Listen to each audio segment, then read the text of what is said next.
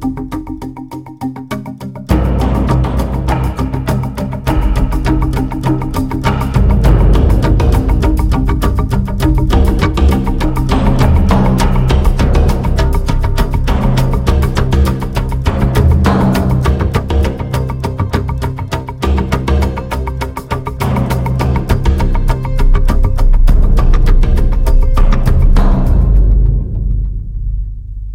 İyi akşamlar efendim. Akıl Odası'ndasınız. Hoş geldiniz.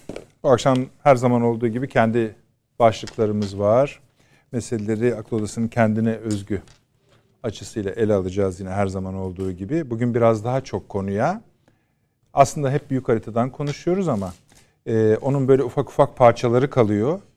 Çoğu da kilit parçalar. Onları bu akşam biraz tamamlamaya gayret edeceğiz. Ben şimdi onları saymayacağım. E, bir önce hocalarımıza, büyüklerimize bir hoş geldiniz diyelim. Profesör Doktor Süleyman Seyfin Hocam hoş geldiniz. İstanbul Ticaret Üniversitesi öğretim üyesi.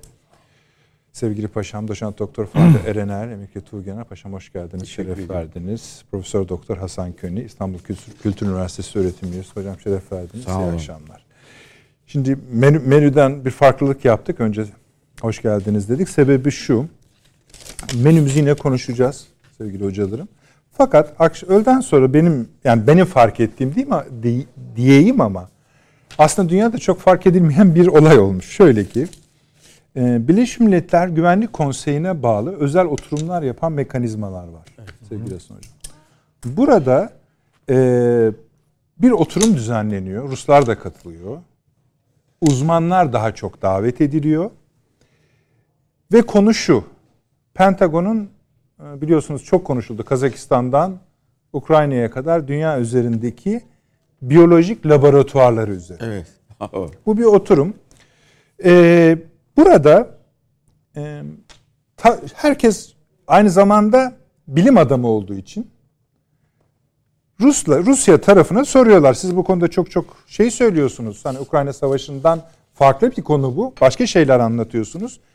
Ne var elinizde diye soruyorlar ve bu konunun en yetkili kişisi ismini de söyleyeyim size. Savunma kim e, radyasyon, kimyasal ve biyolojik savunma kuvvetleri şefi Igor Kirillov bir sunum yapıyor. Bu sunumda e, bu laboratuvarlara girdiklerini ama e, büyük kısmının şeyden önce, harekattan önce Amerika tarafından çıkarıldı. Kazakistan'da da bunları gördüklerini fakat bazı bölümleri de büyük e, kıymetli belgeleri ele geçirdiklerini ama en önemlisi kuşları bulduklarını söylüyor.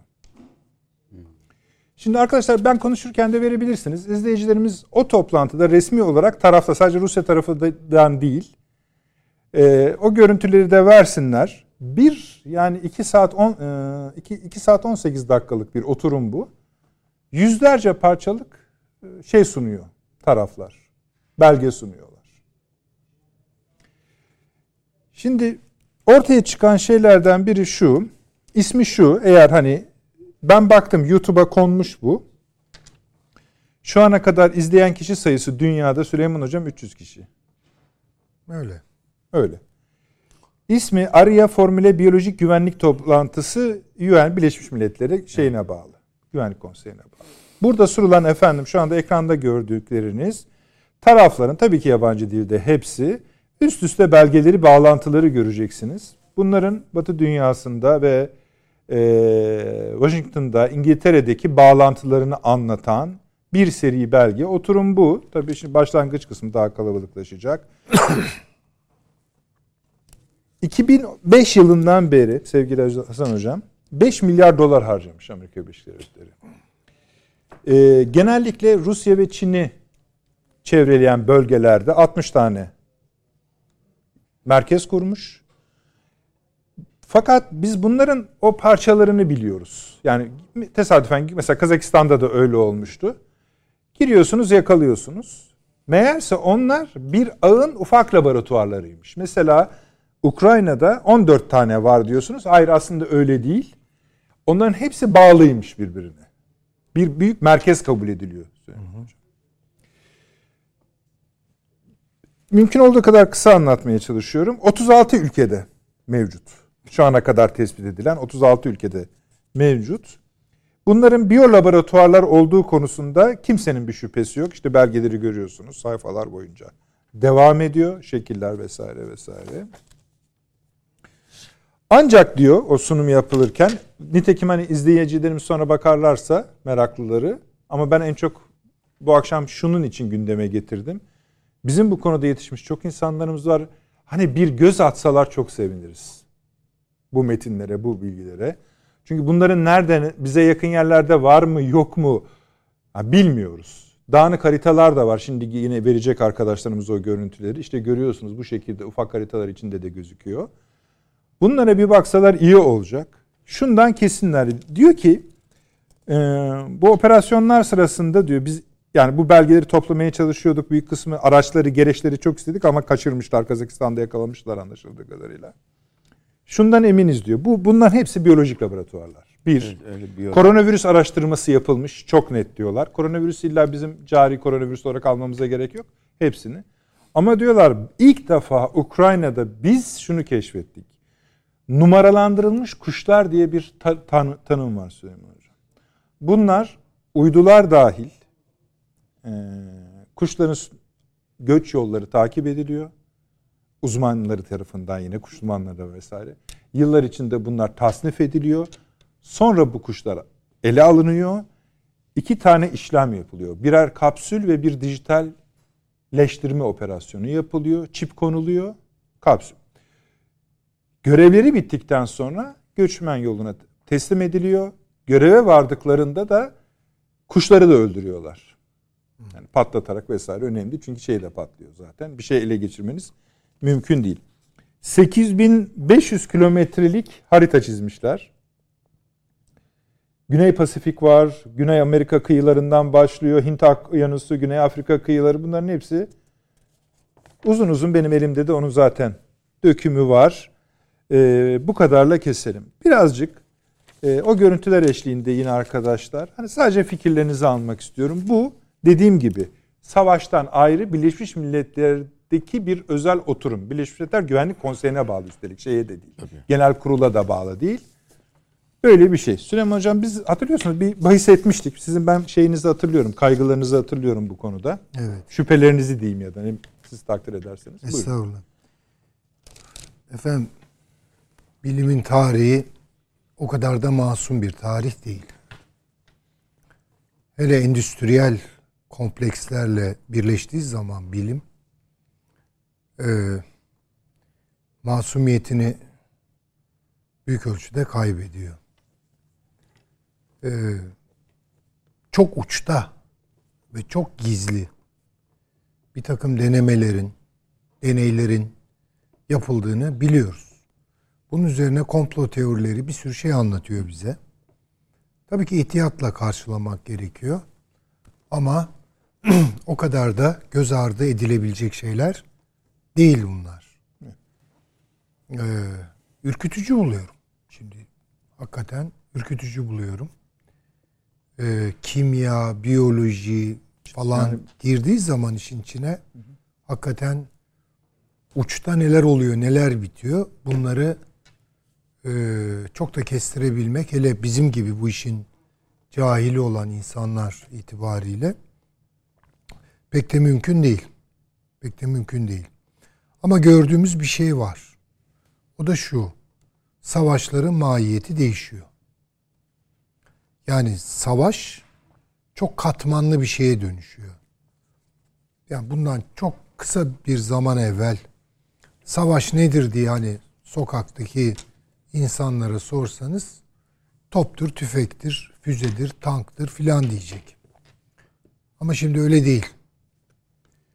Yani ikinci iki dünya savaşı civarında başlayan zaten bunun çok çok tehlikeli öncülleri var. Bunlar sözüm ona İkinci Dünya Savaşı'ndan sonra yasaklandı, kontrol altına alındı deniliyor. Ama meselenin böyle olmadığı da çok aşikar. Yani şimdi Hocam aklıma... çok özür dilerim. Ben şimdi siz söyleyince aklıma geldi. Ayrıca bu kuşların şeylerinin e, bu şekilde kullanılması da uluslararası hukuka aykırıymış hocam. Bu şekilde yani bilmiyorum belki Hasan hocam bilir o konuyu da. evet. Buyurunuz. Estağfurullah. Şimdi e, benim gördüğüm kadarıyla bir tekrar bu e, tarz savaş e, şeyine e, tarzına bir dönüş var.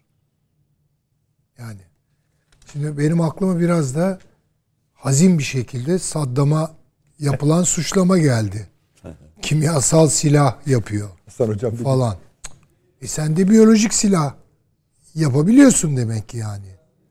Çünkü laboratuvarların açık olması lazım. Değil mi? Takibinin yapılması lazım. Bunlar gizli laboratuvarlar. İşin içinde Pentagon var. Tabii. Yani şimdi hayra mı yoralım İnkar etmiyor bunu? ki. Yani bilim aşkına mı orada bilim adamları toplanıyor, buluş peşinde, insanlığa müjde e, saçacaklar filan. Buna mı inanmamızı bekliyorlar? Tabii buna inanmak çok zor. Onun için çok tehlikeli buluyorum. Yani Köroğlu'nun bir sözü var biliyorsunuz. Hani tüfek icat oldu, Mert- mertlik bozuldu.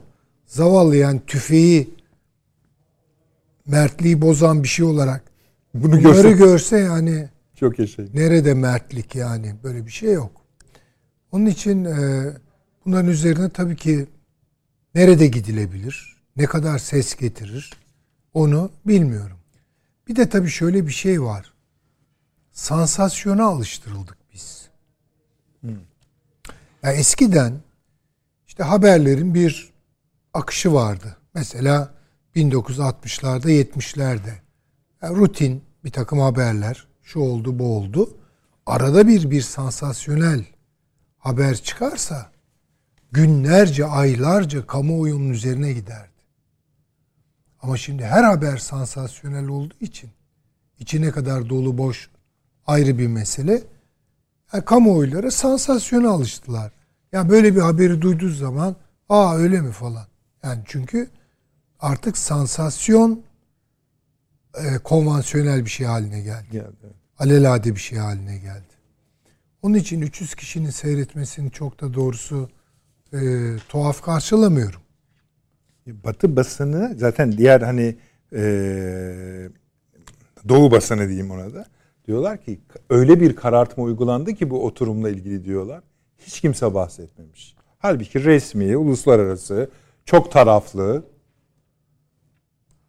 Zaten yok. salon boş gözüküyordu Tabii. yani. Tabii. Yani mesele o. Onun için ürkütücü Bizim buluyorum. arkadaşlar kısaltmış. Derken dönemlerde şey oluyor. Askerler falan da geliyor. Yani kalabalıklaşıyor. 2 saat, iki, iki saat 18 dakika dedim ya. Bayağı uzun sürüyor. Bu bahsettiğim uzman da aslında general. Yani bu konuştuğun şeyin başındaki.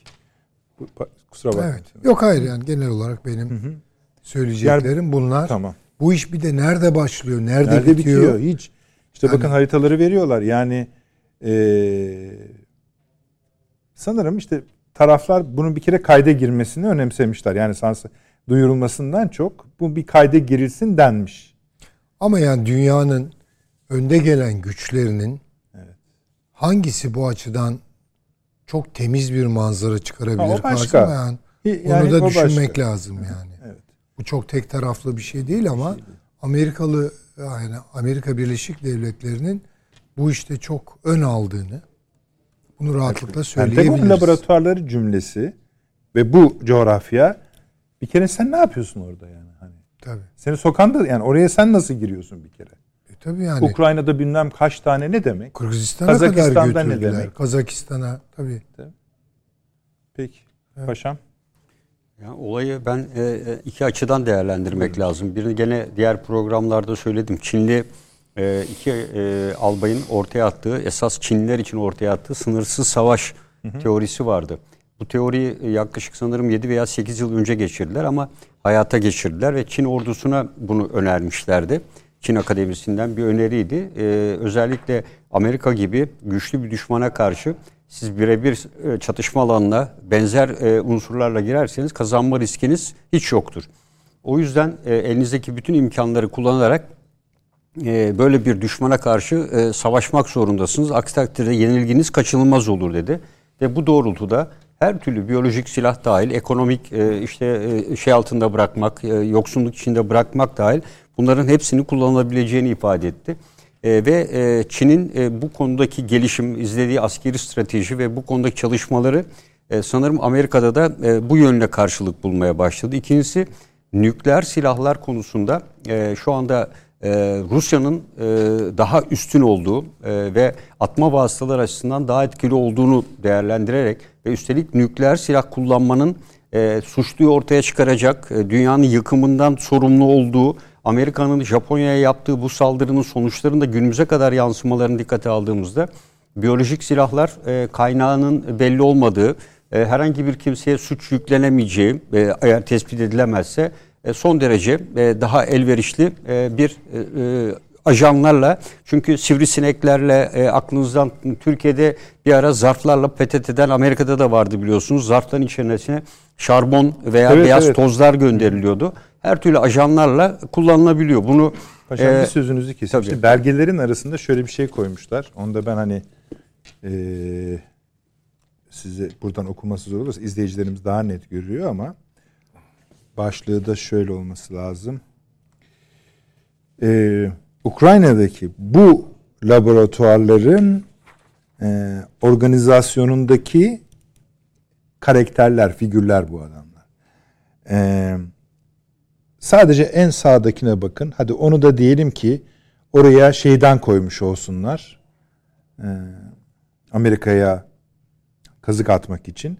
Ama diğer isimler de Hunter Biden. Ya, evet. Bunların yapısında var diyor. Yani ve diğer kişilere baktığınızda baya bunlar böyle filmlerde izlediğiniz karakterler yani esasında. Evet. Kusura bakmayın paşam. Devam edelim. Ee, yok e, dediğim gibi yani nükleer silah isterseniz ikinci vuruş ya da ilk vuruş ne derseniz deyin. E, nükleer silah kullanmak e, dünya kamuoyunda çok daha ağır tepkilere. E, bir de dediğim gibi Amerika'nın da sabıkası olduğu için bu konuda e, nükleer silah yerine e, Rusya veya Çin'i e, ve Çin'in sınırsız savaş e, olası bir saldırısında veya böyle bir teknoloji e, teoriyi e, hayata geçirdiği takdirde e, daha etkili olabileceğini düşündüğünden e, ben e, biyolojik silahlar üzerinden e, özellikle de küresel ısınmanın getirdiği kolaylıklardan da yararlanarak şu an mesela Dünya Sağlık Örgütü'nün raporlarında dünyada mavi dil hastalığının giderek yaygınlaştığı bunlar böcekler vasıtasıyla Afrika üzerinden geliyor ve yakında dünyada özellikle büyükbaş hayvanlarda e, çok ciddi bir şekilde e, kayıplara yol açmaya başlamış ve e, büyükbaş hayvan e, et üretimini ciddi şekilde etkileyeceği değerlendiriliyor. Bunun nasıl çıktığı ve nasıl yayıldığı konusunda da e, ciddi şüpheler var. Diğer bir tarafta sıtmada dünya genelinde çok ciddi bir artış var. E, sivrisineklerde inanılmaz bir çoğalma var. E, Afrika üzerinden Avrupa'ya ve diğer bölgelere geliyor. Bu da yine Dünya Sağlık Örgütü'nün verilerinde var. E, tabii burada e, dünyanın esasında e, biyolojik silah bugüne kadar kullanan ülke sayısı aktif olarak e, bizzat harekat alanında e, Almanlar e, Hitler döneminde e, bunda ruan ve şarbonu e, mühimmatla atmışlar karşı tarafa ama bunu en çok kullanan e, ve binlerce on binlerce insanı katleden Japonlar. E, Japonların özellikle Mançurya'da e, yaptıkları e, katliamların büyük bir kısmı kendi geliştirdikleri biyolojik ajanlar marifetiyle olmuş. Burada sivrisinekleri ve diğerleri e, çok etkili bir şekilde kullanmışlar. Ayrıca Japonya merkezinde ve Mançurya'da kurdukları bu benzeri laboratuvarlarda da değişik ajanları 10 bin kişinin üzerinde test etme ederek 10 binden fazla insanın ölümüne sebebiyet vermişler. Sovyetler Birliği'nin de e, bu konuda geliştirdiği ama onun kullandığına dair bir e, husus yok ama Sovyetler Birliği döneminde de e, biyolojik e, silahların en büyük kazası yaşanıyor. Orada da şarbon üzerine çalışma yapan bir laboratuvarda meydana gelen bir sızıntıyla 68 kişi hayatını kaybediyor. O dönem Sovyetler Birliği e, medya tabi açık olmadığı için de internet vesaire ortam yok. Burada saklanıyor. E, Japonlar 2. Dünya Savaşı'nda teslim aldığından itibaren bunu en hızlı geliştiren ülke Amerika Birleşik Devletleri. Yani Amerika Birleşik Devletleri'nin e, bu konuda ülke içinde de Amerikan restoranlarında vesaire medyaya yansımayan e, bir takım gruplar tarafından da e, salmonella vesaire gibi bakterilerin e, restoranların mutfaklarına yerleştirerek e, yüzlerce binlerce insanın e, hastanelere gitmesine yol açan şekilde etkilerde de kullanılıyor. Yani bu şunu gösteriyor. Artık e, biyolojik silahlar e, teröristlerin ele bizim nükleer silah geçer diyorduk ya. Artık biyolojik silahların ben e, bundan sonra terörist örgütlerin kullanacağı ki bunu biliyorsunuz e, sarin gazını e, Japonya'da kullanılmıştı zaten metroda. E, bundan sonra e, Covid'in etkisi görüldükten sonra terör örgütlerinin içme e, sularına vesaire gibi şeylere e, değişik bakteriler e, karıştırarak e, toplumun e, direnme gücünü azaltabileceği ve bu yüzden de kritik tesis ve altyapıların Türkiye'nin bin, e, 2011 yılında kabul edilmiş olan AFAD koordinesinde kritik tesis ve altyapıların korunması ile ilişkin bir strateji eylem planı var. Çok güzel hazırlanmış bu plan fakat bu plan e, benim bildiğim kadarıyla tam anlamıyla hayata ve uygulamaya geçmedi. Özellikle Amerika'da e, bu tespit edilen biyolojik laboratuvarlar ve benzeri şeyler ki hepsi çevremizde bence Türkiye'nin her türlü bu tür özellikle sağlık başta olmak üzere kritik tesis ve altyapıların mutlaka bu tür saldırılara karşı korunması için daha kapsamlı planlamalar yapılmalı. E, dünya artık e, her türlü e, konusunu ki Amerika buna e, 11 yıl önce başladı. Kritik tesis ve altyapıların korunması, hastaneler dahil bu tür laboratuvarların korunması için acil eylem planları geliştirdi. Ee, Avrupa Birliği geliştirdi e, kavramında. Türkiye'de 2011 yılında tedbir aldı ama e, bizim de bu konuda çalışmaları e, arttırmamız e, gerekiyor. E, laboratuvar ortamında bunları e, üretmek son derece kolay. E, ancak şunu gösteriyor, biyolojik silahların e, önlenmesine veya etki, e, tahrip edilmesine dair 1972 tarihli bir anlaşma var. var. Yani uluslararası hukukun bir kez daha yerle bir oldu edildiğini gösteriyor Hocam, yani diyeceğim. burada. Yani şöyle, onun için ben başta biraz söyledim. Yani özellikle bu alanlarda çalışan kıymetli hocalarımız şu belgeleri bir göz atarlarsa evet, tabii. çünkü biz de şeye düşmek istemeyiz. Ayrı konu fakat bunu her, uzmanların mesela genel kurulda konuşabilirler komisyonların ama bu tür bir kurulda pek konuşmazlardı. Bayağı anlatıyorlar. Mesela şu, bu kuş meselesini her taraf çok yani dinleyenler de çok önemsemiş. Yani bizim için tamam hani demek ki böyle hmm. bir şeyleri var. Böyle kullanıyorlar. Ama hani bakın şöyle diyor kitle imha silahı sayılır diyor. E tabii. Kuşlar diyor. İfade bir şey mi söyleyeceksin? Buyurun Hocam. Yani aslında tabii burayı çok akademik bir e, üsluba boğmak istemem ama şimdi şöyle bir mesele var. Bakın Karl Marx'ın bir sözü var meşhur. Katı olan her şey buharlaşır. Şimdi bu çok ilginç bir e, şeydir üzerine kitaplar yazılmıştır. Mesela Marshall Berman'ın çok güzel bir çalışması var. Bu başlığı taşıyan. Muasır medeniyet her şeyi katılaştırdı. Ve yoğunlaştırdı. Nasıl bunu anlatabiliriz? Mesela ekonomi sanayi ekonomisi oldu. Müthiş bir merkezileşme, tekelleşme, ağır sanayi kompleksleri Hepsi gözümüzün önündeydi, görüyorduk. Öyle değil mi? Demir fabrikaları, çelik fabrikaları, makine yapan fabrikalar, kompleksler kompleksler. Ekonomiyi böyle önce katılaştırdı. E, devlete bakıyorsunuz. E, devlet de zaten bizzat merkezileştirmeyi taşıyan süreç. Ağır bir bürokrasisi var. Değil mi? Her şeyi merkeze bağlıyor falan. O da katılaşıyor. Şimdi gelinen aşamada ne oldu? Bunların hepsi buharlaştı. Ee, ekonomi nasıl buharlaştı? Reel ekonomi oransal bir kayıp yaşadı. Üzerine finansal ekonomi geldi. Yetmedi. Finansal ekonomi dijitalize oldu. Siz elinizde tutmadığınız paralar karşılığı olup olmadığını bilmediğiniz bir takım varlıklarla işlem yapmaya başladınız. Bu da işte ekonominin buharlaşması. E devlet, e devlet artık merkezi olmamalı, küçülmeli o neoliberal tezleri hatırlayınız değil mi yani? Yerelliklere bırakmalı falan. Yani devlet de buharlaştırılmalı denilen bir düşünce. Savaş da katı bir savaştı. Yani Napolyon savaşlarını düşünelim değil mi? Paşam evet. savaş tarihini hepimizden iyi bilir. Böyle karşı karşıya gelmeler, topçular, tüfekçiler falan. Birden savaş da hafifledi ve buharlaştı. Light diyorsun. E, light bir de buharlaşıyor. Şimdi buhar varla yok arası bir şey. Yani gaz görünebilir de görünmeyebilir de. Şimdi bütün bunların getirdiği riskleri yaşıyoruz. Buharlaşmış bir ekonominin doğurduğu belirsizlikler ve riskler. Buharlaşmış devletlerin bıraktığı ağır güvenlik boşlukları. E, aynı şekilde bakıyorsunuz şey de öyle. Yani savaş da öyle belirsiz.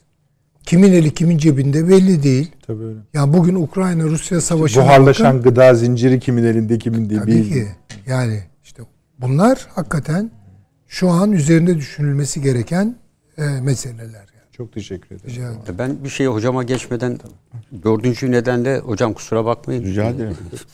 Ee, ben e, burada şunu düşünüyorum mesela itibariyle yani Amerika Birleşik Devletleri'nin e, kaybolan hegemonyasını en ucuz maliyetle restore etmeye çalışacak. yani bu e, bence e, en önemli konu ve Covid-19'da başlayan Great Reset'un bence e, bir devamını düşük maliyetle bununla sağlayıp yeni bir küresel düzen vesaire kullanmanın bir aygıtı olarak düşündüğünü değerlendiriyorum açıkçası. Peki çok teşekkürler. Hasan Hocam siz bu konuda erken e, cümleler kurmaya başlamış bir bilim adamısınız. Ama galiba bakın uluslararası hukukla ilgili ayakları çıkıyor şimdi. Ya bu şeyi ders anlatırken e, güvenlik e, konuları, ulusal güvenlik konuları e, 4 sene evvel o haritalara rastladık. Ve Laboratuvarları söylüyorsunuz. laboratuvarlar gördük. Ama laboratuvarların adı şeydi. Pentagon laboratuvarları. Yani Amerika dünyanın her yerinde araştırma yapabilir. Hani insancıl yanı var bilmem ne var. Şeyden başlıyor. Afrika'dan alttan devam ediyor ve Güneydoğu Asya'ya kadar. Böyle Çin'in altına doğru gidiyor. Çin'de yok. Ne yapılıyor, ne ediliyor? Bir tane Gürcü subay vardı. Dedi bizde de var. Ne yapılıyor orada? Hastalar tedavi ediliyor dedi. Peki yani sizin hastaneniz yok mu? Pentagon hasta tedavi ediyor falan gibi. Valla biz giremiyorduk ama öyle dediler. Yani bilmiyorlardı ne olduğunu. Ama bu o zaman aklımıza herhalde mikrop savaşı geldi. Çünkü e, Paşa'nın dediği gibi bir 1925'te sonra 1972'de bir daha yenilediler.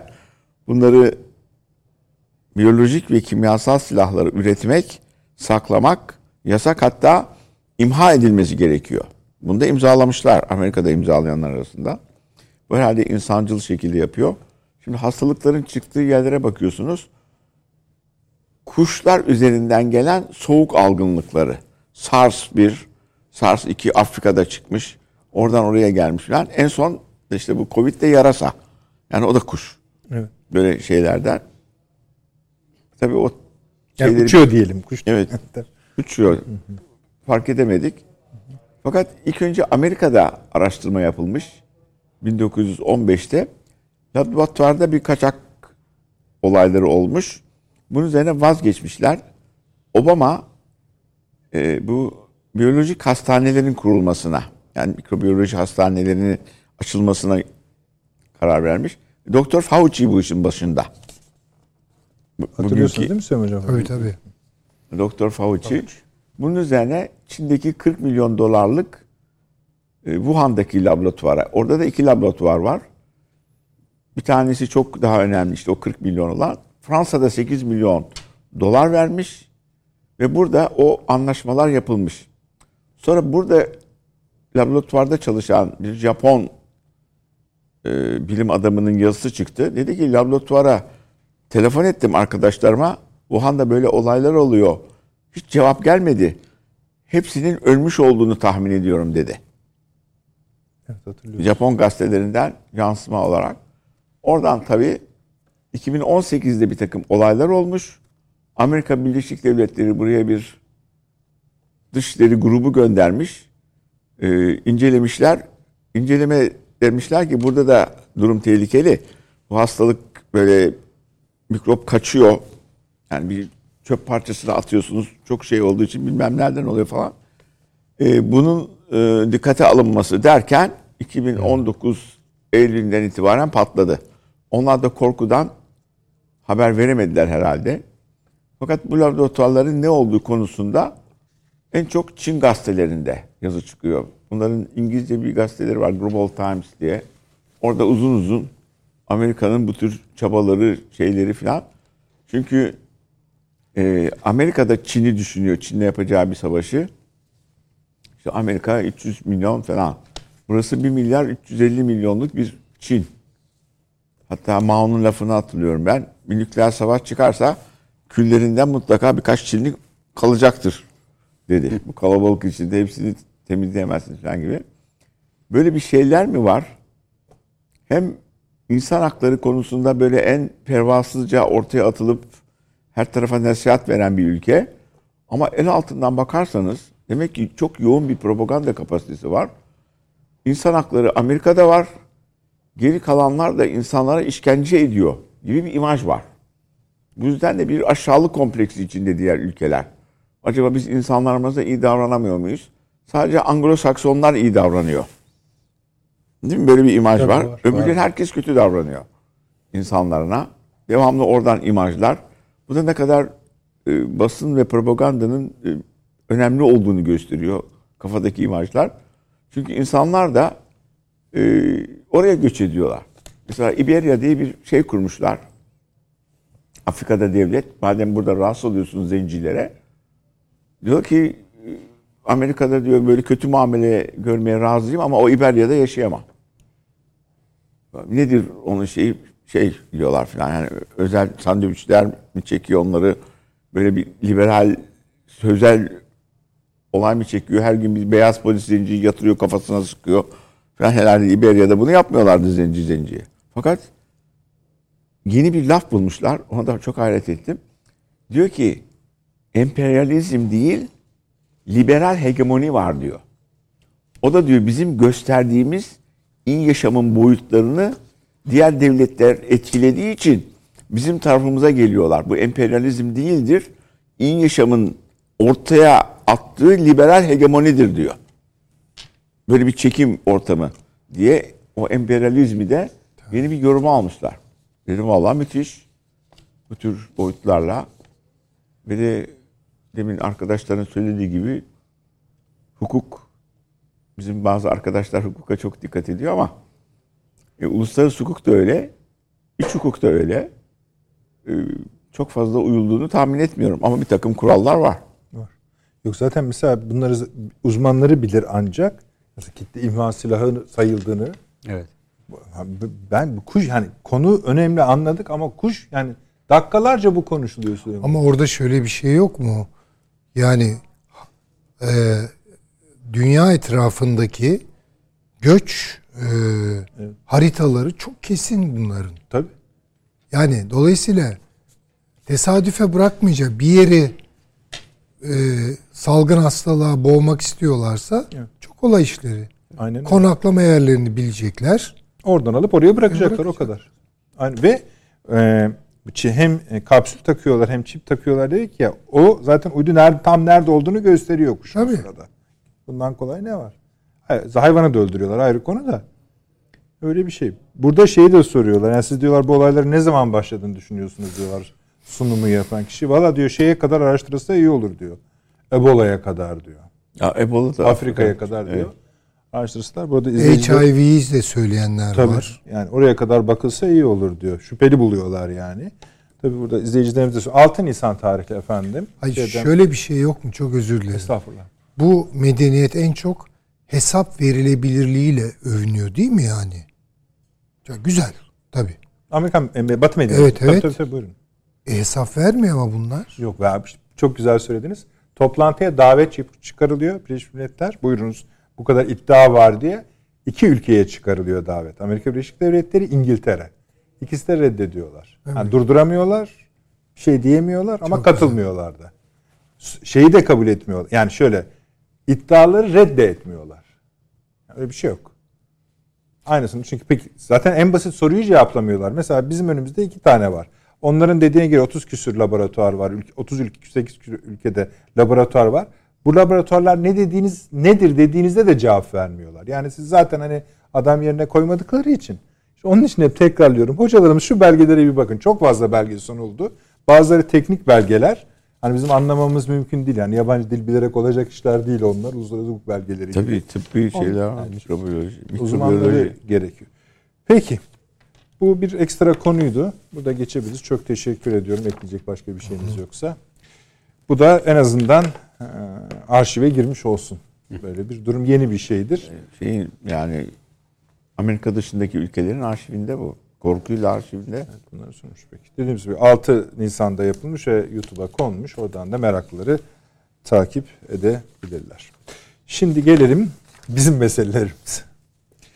Şimdi Süleyman Hocam yine sizden başlayacağım müsaade ederseniz. Buyurun. Ee, dün Sayın Dışişleri Bakanı bir röportaj verdi. Bu röportajda 3-4 başlık e, birincisini söyleyeyim. Dedi ki bu Ukrayna Savaşı'nın bitmesini istemeyenler bazı NATO üyeleridir dedi.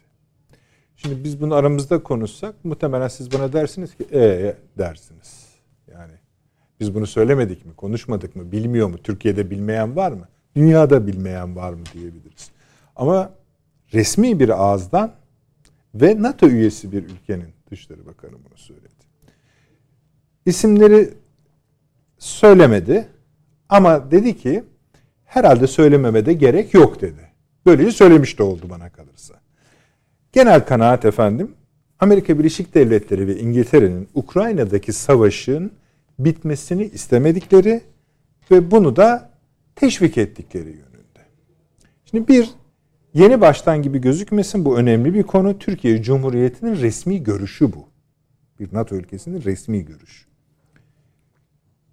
Bir bunu rica etsem analiz ediniz. İkincisi bu savaşın sürmesini bu kadar arzu ediyorlarsa ve teşvik ediyorlarsa bu savaşı başlatan mekanizma konusunda da ve dahi bir sürü üzücü sonucu oluyor bu savaşın. Dramlar yaşanıyor. Bunların sorumluluğu da aynı gruba sorulmayacak mı? Yoksa yine işte bu vakada olduğu gibi katılmayacaklar mı oturuma? Buyurunuz. Ee, şimdi açık toplum o kadar açık bir hale geldi ki o kadar her şey gözümüzün önünde ve apaçık yaşanıyor ki yaptırım kaldırmıyor artık. Yani o noktaya getirdiler. Yani her şeyi apaçık kıldığınız zaman bir süre sonra o apaçık kıldığınız şeylerle ne yapacağınızı bilemiyorsunuz. Bu da medeniyetin müeyyidesini sakatlar. Yani Güzel. medeniyet yaptırım gücünü kaybeder. Güzel. Ya mesela diyelim ki bir büyük skandal, rezalet İngiltere'de 3-5 kahraman gazeteci tarafından açığa çıkarıldı. Siyaset kurumu töhmet altında falan filan. Çıkarlar bunlar. Çok özür dileriz. Evet, yaptık. Çok ayıp oldu. Utanıyorum bunun için der, çekilirler. Hiçbir şey de olmaz. Yani şöyle hatırlayalım.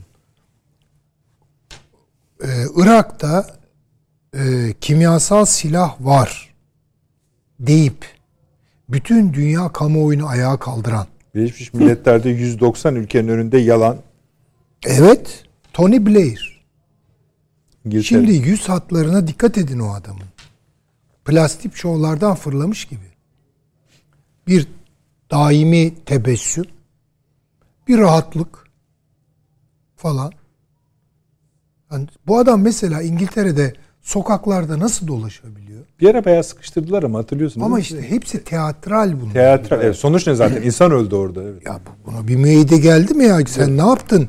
O kadar Amerika... Bırak Iraklıyı madem insandan saymıyorsun. Ya Amerikalılar da öldü. İngiliz askerleri de öldü. O bile yok artık yani. Halimiz bu.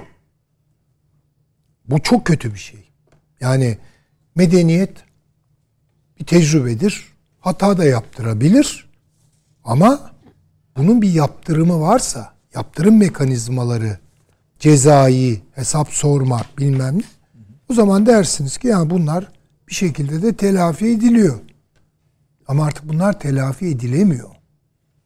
yapanın yaptığıyla yanına kar kalıyor. Bunu görelim.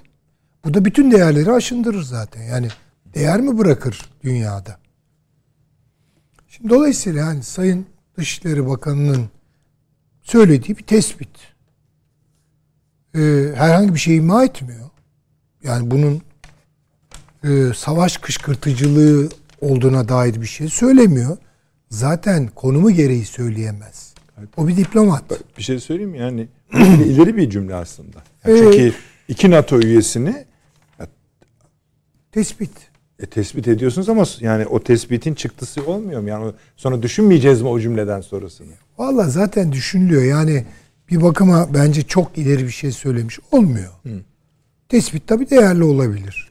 Resmi ağızdan dile getirilmesi de önemli olabilir. Ama zaten dünya bunu görüyor. Biz burada kaç defa konuşmadık mı? Konuştuk da dünya yani, yani bizim ülkemizde bile tam görülmüyor. Süleyman Hocam E, tabii biliyorsunuz. tabii. Ya o ayrı bir hikaye. E, görmek istemeyene zaten neyi gösterseniz boş. Ama biraz hani e, aklını zihnini yağmaya vermemiş insanlar bu kadarını görüyorlar. Yani ne oluyor sonuçta? Kim bu savaşı durdurmak istiyor? Yani Allah lillah aşkına bir soralım. Yani Amerika'da bir efor var mı? Avrupa'da tamamen pragmatik Öyle. telefonlaşmalar filan. E bir Türkiye. E onu da bozuyorlar. Ank İstanbul'da yapılan, Antalya'da yapılan bütün şeyler, e, görüşmeler bir işe yaramadı. Şimdi, bu savaşı Rusya'da bitirmek istemiyor. Yani şöyle bitirmek istemiyor. Hedefine ulaşmadan bitirmek istemiyor. Ok yaydan çıkmış. Onu anlıyorum. Ama dışarıdakiler onlar da bitirmek istemiyor. Zelenski bence bitirmek istemiyor. İstemiş olsa bile bunu telaffuz edebilecek bir durumda değil. Artık bu Şimdi dün Rusya Almış çok başını gidiyor. net ve detaylı bir taslak önerdim. Bu belli ki hani son aşamaya en yakın taslaklardan birisi. Bakalım ne olacak? Buyurun. Gün vermiş. mutlaka onu delecekler, dejenere edecekler. Ben bu diplomatik görüşmelerdeki pecmur deliği özellikle Ukrayna heyetinin ya böyle eşofmanlarla falan şeye gelinir mi canım yani? Diplomatik görüşmeye gelinir mi yani? Yani biz bu masayı çok da iplemiyoruz demektir bu. Ya, tavırlarıyla. Öyle tabii. O el sıkışmaları falan. Yani diplomatik hiçbir adaba falan sığmıyor. Ama bunu da istemiyorlar. Zavallı Ukraynalılar. Olan onlar oluyor. Dolayısıyla yani Sayın Cumhurbaşkanı şeyin, e, Dışişleri Bakanımızın e, tespiti doğrudur. E, ama yani o doğru ne yaptırır? O doğruyla ne yapılır? Onu bilmiyorum. Açık söyleyeyim. Yani Türkiye uğraşacak. Gene elinden geleni yapacaktır. Ama bir çok ilgisiz bir dünya kamuoyu var. Kimsenin umurunda değil o savaş. Yani Latin Amerika'dakilerin çok mu umurunda? Amerikan kamuoyunun çok mu umurunda? Hint kamuoyunun çok mu umurunda? Hiç zannetmiyorum. Ateş düştüğü yeri yakıyor. Biz yakın olduğumuz gibi ateşin hararetini biraz hissediyoruz tabii üzerimizde. Yani biraz daha bu konuda mutayakkızız. Ama bir, bir şey ifade etmiyor bunlar. Göz göre göre oluyor. Ya şimdi insanların bence şu gelinen noktada ister felaket haberi ekonomiden gelsin, ister siyasetten, ister savaştan, şuna dikkat etmesi lazım. Bütün bu felaketler, kriz, savaş falan göz göre göre oluyor. Dikkat edelim yani. Göz göre göre oluyor. E bu müthiş bir cüret sağlıyor.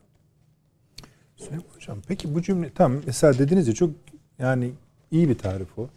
O doğru ile ne yapacağız? Hiçbir şey Ama olmaz. doğrunun kendisinin de yaptığı bir şey olması lazım değil mi? Şunu kastediyorum. Ee, bu savaşı engelleyenler var dediğinizde orada ölen insanların sorumluluğunu da bir yere yüklemiş olmuyor musunuz? Yani kimsenin sorumluluk almadığı bir dünyada Yükleseniz istediğinize sorumluluk yükleyin. Peki. Bakın e, yani çok uzatmak istemiyorum Estağfurullah. ama yok, buyurun. İkinci Dünya Savaşı bittikten sonra bunu sık sık söylemeye kendim mecbur hissederim. Bir Fransız filozofu Sartre çıktı dedi ki medeniyeti kurtaracak olan şey sorumluluk duygusudur. Özgürlük, sorumluluk özgürlüğüdür. Her türlü ahlaki değer sorumluluk ahlakıdır. Bu çok önemli bir tespitti. Bunun alıcısı çıkmadı. O dönem tabii etki yarattı. Bütün dünyada Sartre okundu, konuşuldu, edildi falan. Doğru doğru haklısın. İşte Vietnam Savaşı'nda öyle bir müdahale var. Yani bir el koyma, insanlık, dünya kamuoyu. Ama vaziyet ettiler bu işe. Entelektüeller, şunlar bunlar. Arkası gelmedi. İnanın gelmedi. Onun için hani bu doğruyla ne yapılabilir? Ama bu soruyu zaten Albert Camus de İkinci Dünya Savaşı'ndan sonra sormuştu. Ve cevabı şuydu. Bugün elimizde maalesef birkaç doğru var. Ama bu doğrularla ne yapacağımızı bilmiyoruz. Belki bunların bir kısmı biraz daha rahat ölmemizi sağlayabilir. Böyle konuşuyordu. Evet. E tekrar oraya mı geldik yani? Peki hocam. Hocam sizi kesmeyin bir reklama gidelim izin verirseniz. Sonra hem Hasan hocamızla, hocamızla hem sizinle uzun uzun devam ederiz efendim. Hemen geliyoruz. Döndük efendim akıl odası devam ediyor. Paşama geçmeden hemen söyleyeyim. Sosyal medyadan bu önceki konuyla ilgili yazıyorsunuz. Ee, hatırlattığınız Türkiye'de de yaşanan o bütün olayları hatırlıyoruz. Bu özel bir durum olduğu için sadece ondan bahsettik ama haklısınız. O olaylarda yaşandı. Avrupa'da, Amerika'da, başka ülkelerde yaşanan olaylar da var. Ee, ve ben de siz, sizler gibi bağlantılı olduğunu düşünüyorum. Ama bu münhasıran ele aldık yeni bir vaka olduğu için. Ee, onları da görüyoruz yani attığınız mesajları. Paşam buyurunuz. Yani aslında Sayın Dışişleri Bakanı ifade ettiği bu hususu Sayın Cumhurbaşkanı da ifade etmişti. Tabii. Yani bu e, aslında e, bütün dünyanın da bildiği bir husus. E, muhtemelen e, NATO toplantılarında da e, gündeme getiriliyordu. Bence burada Böyle bir Amerika- ifadesi de oldu. Ben onu da not Evet. ettim bu röportaj sırasında. Ee, ya işte hani neye bu yavaşladı falan derken NATO toplantısından sonra oldu dedi ve bu laflar yani şey lafı hani engelleyenler var lafı oradan geldi. Yani Tabii, tabii. O NATO toplantısında olmuş ne olduysa. Ee, Buyurunuz. bence e, Amerika Birleşik Devletleri bu süreci Haziran'da yapacak yapılacak NATO Liderler Zirvesi'ne kadar aynen böyle devam ettirecek. Ve e, burada oluşturmuş olduğu e, baskıyla e, savaşın Rusya için bir yıpratma savaşına e, dönüşmesini sağlayarak e, NATO üzerinde hedeflediği e, kendi hegemonik restorasyonunu NATO vasıtasıyla tamamlayacak. Yani bu ne demektir? Güney Çin Denizi ve diğerler Orta Doğu dahil olmak üzere e, NATO'nun hep söylüyoruz yeni harekat alanını kendi istediği türden şekillendirmesi için e, bu sürecin devamı e, Amerika için son derece önem taşıyor. Aynı zamanda sadece bu bölge için değil NATO değil öbür tarafta işte Hindistan'ın da dahil olabileceği Kuat. E, Buna e, işte oradaki Filipin veya benzeri diğer ülkelerin dahil edilmeyeceği ile ilgili konular e, gündeme getiriyor ve şu anda da ağırlığını o tarafa doğru da kaydırıyor aslında. Ve bu yıpratma savaşını bugüne kadar Biden'dan Sayın Cumhurbaşkanı'nın ve Türkiye'nin ifade ettiği dışında barış için bir Biden'dan bir sözcük duyuldu mu? Veya e, Amerikalıların e, diyelim ki Ukrayna üzerinde ya barış yapın şu Minsk anlaşmasını hiç böyle bir sözleri asla ve asla olmadı. Ee, aslında bu işin sorumlusu ve bilinçli yapılan ta NATO'nun doğuya doğru genişlemesiyle başlayan sürecin nihayete erdirilmediğinin işaretidir. Amerika burada bir taşla iki kuş vurmaya çalışıyor. Şu anda ikincisi de aslında Çin. Çin ekonomisi giderek duraklama sürecine giriyor. Ee, ekonomik verilere baktığımızda e, Çin e, eski gücünde değil. E, Amerika e, Ukrayna Savaşı'yla Çin'in Avrupa ile olan ilişkilerinde ve ekonomik ticaretinde de daha evvel belirttik Ukrayna'dan geçen yol ve Ukrayna üzerinden Avrupa'ya sağladığı ki en büyük e, Ukrayna Çin'in ihracat ve ithalat konusundaki en önemli partneriydi. Ve buradan da Avrupa'ya naklediliyordu ki Rusya üzerinden gelen e, tek yol tek uçak e, tren yolu hariç, demir yolu hariç. Bu açıdan bakıldığında Çin'in mal satışlarında e, ciddi bir yavaşlama başladı. E, ve e, Çin'in de büyüme oranı IMF'in açıkladığı verilerle büyümesinde de bir düşme e, bekleniyor. Bu Amerika'nın arzu ettiği bir şeydir. Bu e, kısa zamanda silah sanayini ve diğerlerini etki, etkileyebilir mi? Kısa zamanda etkileyeceği düşünülmüyor ama Çin'in hedeflediği 2050 yılında dünyaya meydan okuyacak bir güç yaratma e, projesinin olumsuz etkileyebileceği düşünülüyor. E, bu e, süreçte Çin'in ekonomik anlamda açılımını da kısıtlaması nedeniyle Amerika bu savaşın olabildiği kadar uzun e, sürmesini e, mutlaka teşvik ediyor ve Haziran şeyinden bahsettiniz ya unutmayın diyeceğiniz Evet. ne olur. Ee, buraya kadar sürdürecek. Neden? Evet. Çünkü işte NATO üyeleri Evet. üzerinde bir baskı oluşturuyor bu. Tamam mı? Bu baskının sonucunda Haziran'da bizim önümüze demek ki bir kağıt tabii koyacaklar. kağıt konulacak. Bu kağıt koyma meselesini Kağıt konuldu zaten. Savunma Bakanları Söyleyin onu da bir yere tabii, bağlayacağım. Savunma Bakanları toplantısıyla birlikte bu kağıt esasında ne zaman konulmuştu? Geçen yıl e, NATO 2030 vizyonu kapsamında konulmuştu. Ama o zaman böyle bir e, baskı unsuru olmadığı için e, Amerika Birleşik Devletleri Biden burada başarısızlıkla ayrılmıştı ve sonuç Amerika'nın istediği gibi olmadı. Her ne kadar onunla evvel yapılan İngiltere-Amerika İşbirliği Protokolü, G7 zirvesi e, bütün bunların NATO'ya yansıması olmamıştı. Ama şu anda da e, Amerika'nın istediği bir ortam olduğu için ve Avrupa Birliği'nde özellikle Macron'un seçim sürecinde olması, Merkel'in değişmesi aslında hep dedik ya e, kırılganlıklarla birlikte Amerika'ya istediği bir ortamın oluşmasını sağladı. Ve Ukrayna Savaşı da aslında başlatma zamanının da bence Amerika tarafından tayin edildiğini düşünüyorum. Bu NATO Evet. belgelerinden bize şöyle bir şey çıka- çıkabilir mi? Çıkacak mı? NATO'nun yönet yürütme biçiminde ülkelerin eşit güçleri var. Bunun deforme edilip Amerika'nın, İngiltere'nin daha ağırlıklı bir yapıya geldiği ya da buna kapı açıldığı bir imkan mı olacak? Ben muhtemelen e, şu anki mevcut e, herkesin tek oy hakkına sahip olduğu yapının değişeceğini ben düşünüyorum. Çoğunluk ne, ne Evet, derse. çoğunluk ne derse. Çünkü eğer buraya Finlandiya, e, İsveç'te eklendiği takdirde ileride işte Gürcistan diyelim, Ukrayna diyelim, NATO asla zaten hantal bir yapıda. E, o e, hızlı e, e, hızlı kuvvetlerin belli bir noktaya gelmesi evet gelebilir. Bir Tugay, iki Tugay, üç Tugay, beş Tugay gelebilir. Ama NATO'nun bütününü bu sistem içerisinde entegre edilerek bir e, 30 küsür ülkenin e, bir emir komuta birliği içinde e, bir faaliyeti bugüne kadar NATO dahil görülmemiştir. NATO'nun böyle icra ettiği işte Bosna Hersek'i görüyoruz. Geç müdahale ettiği için veya Kosova'da binlerce insanın Hollandalı askerlerin yaptıklarını görüyoruz. Bugüne kadar NATO'nun başarılı olduğu hiçbir yer yok. Aslında Afganistan olayı evet Amerika'ya aittir ama biliyorsun NATO şemsiyesi altında yapıldı. vardı, evet. Orası da e, NATO'nun e, yenildiği bir noktadır. E, NATO'nun bir başarısı olmayan bir kurum şu anda esasında Avrupa Birliği ülkelerinde yapılan her türlü ankette falan da NATO'ya giderek karşıtlık artıyor. NATO'nun buradaki Amerika'nın birleştirici gücünün sadece hep İkinci Dünya Savaşı sonrası öncesi Avrupa'yı hatırlatan bir takım söylemlerle esasında ortaya konuluyor. Ve savaşı istemediği nereden belli? Ukrayna'ya işte 1 milyar dolarlık e, ya- yardım yapana kadar devam edeceğiz. 300 küsür milyar do- milyon dolarını şimdi veriyoruz. Silah ve tesisat e, ne yapılacak? İşte Donbas'ta e, mevcut olan birlikleri e, güçlendireceğiz, takviye edeceğiz diyor. E, bütün bunlara baktığımızda dediğim gibi Amerika Rusya'nın e, burada sadece yaptırımlar değil. Yaptırımlarda da aslında e, Avrupa ülkelerinde Rusya da açıklıyor. E, işsizlikte, enflasyonda bu yaptırımların ciddi bir etkisi var. O yüzden Amerika bu savaşın daha da uzamasını istemeyecektir. Ama isteyeceği yer e, bence Haziran ve Temmuz'dur. Yani Çünkü şunu söylüyorsunuz. Haziran'a kadar bu savaş gidecek. Evet. Sonrası bakacağız diyor. Tabii Amerika Birleşik Devletleri NATO'yu kendi istediği şekilde yani hegemonyasının yeni restore edip yeni bir aygıt haline getirene kadar Yaşam bakın Almanya restore ediliyor. Evet. Bugün ayrı bir başlık olarak alacağız.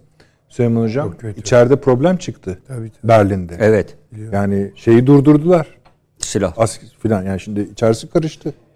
İki bu NATO'nun revize edilmesini zaten konuşuyorduk ama bu noktaya getirdiler. Üç yine ileriki dakikalardaki konumuz Birleşmiş Milletler'in e, veto yapısında bir değişiklik geldi şimdi.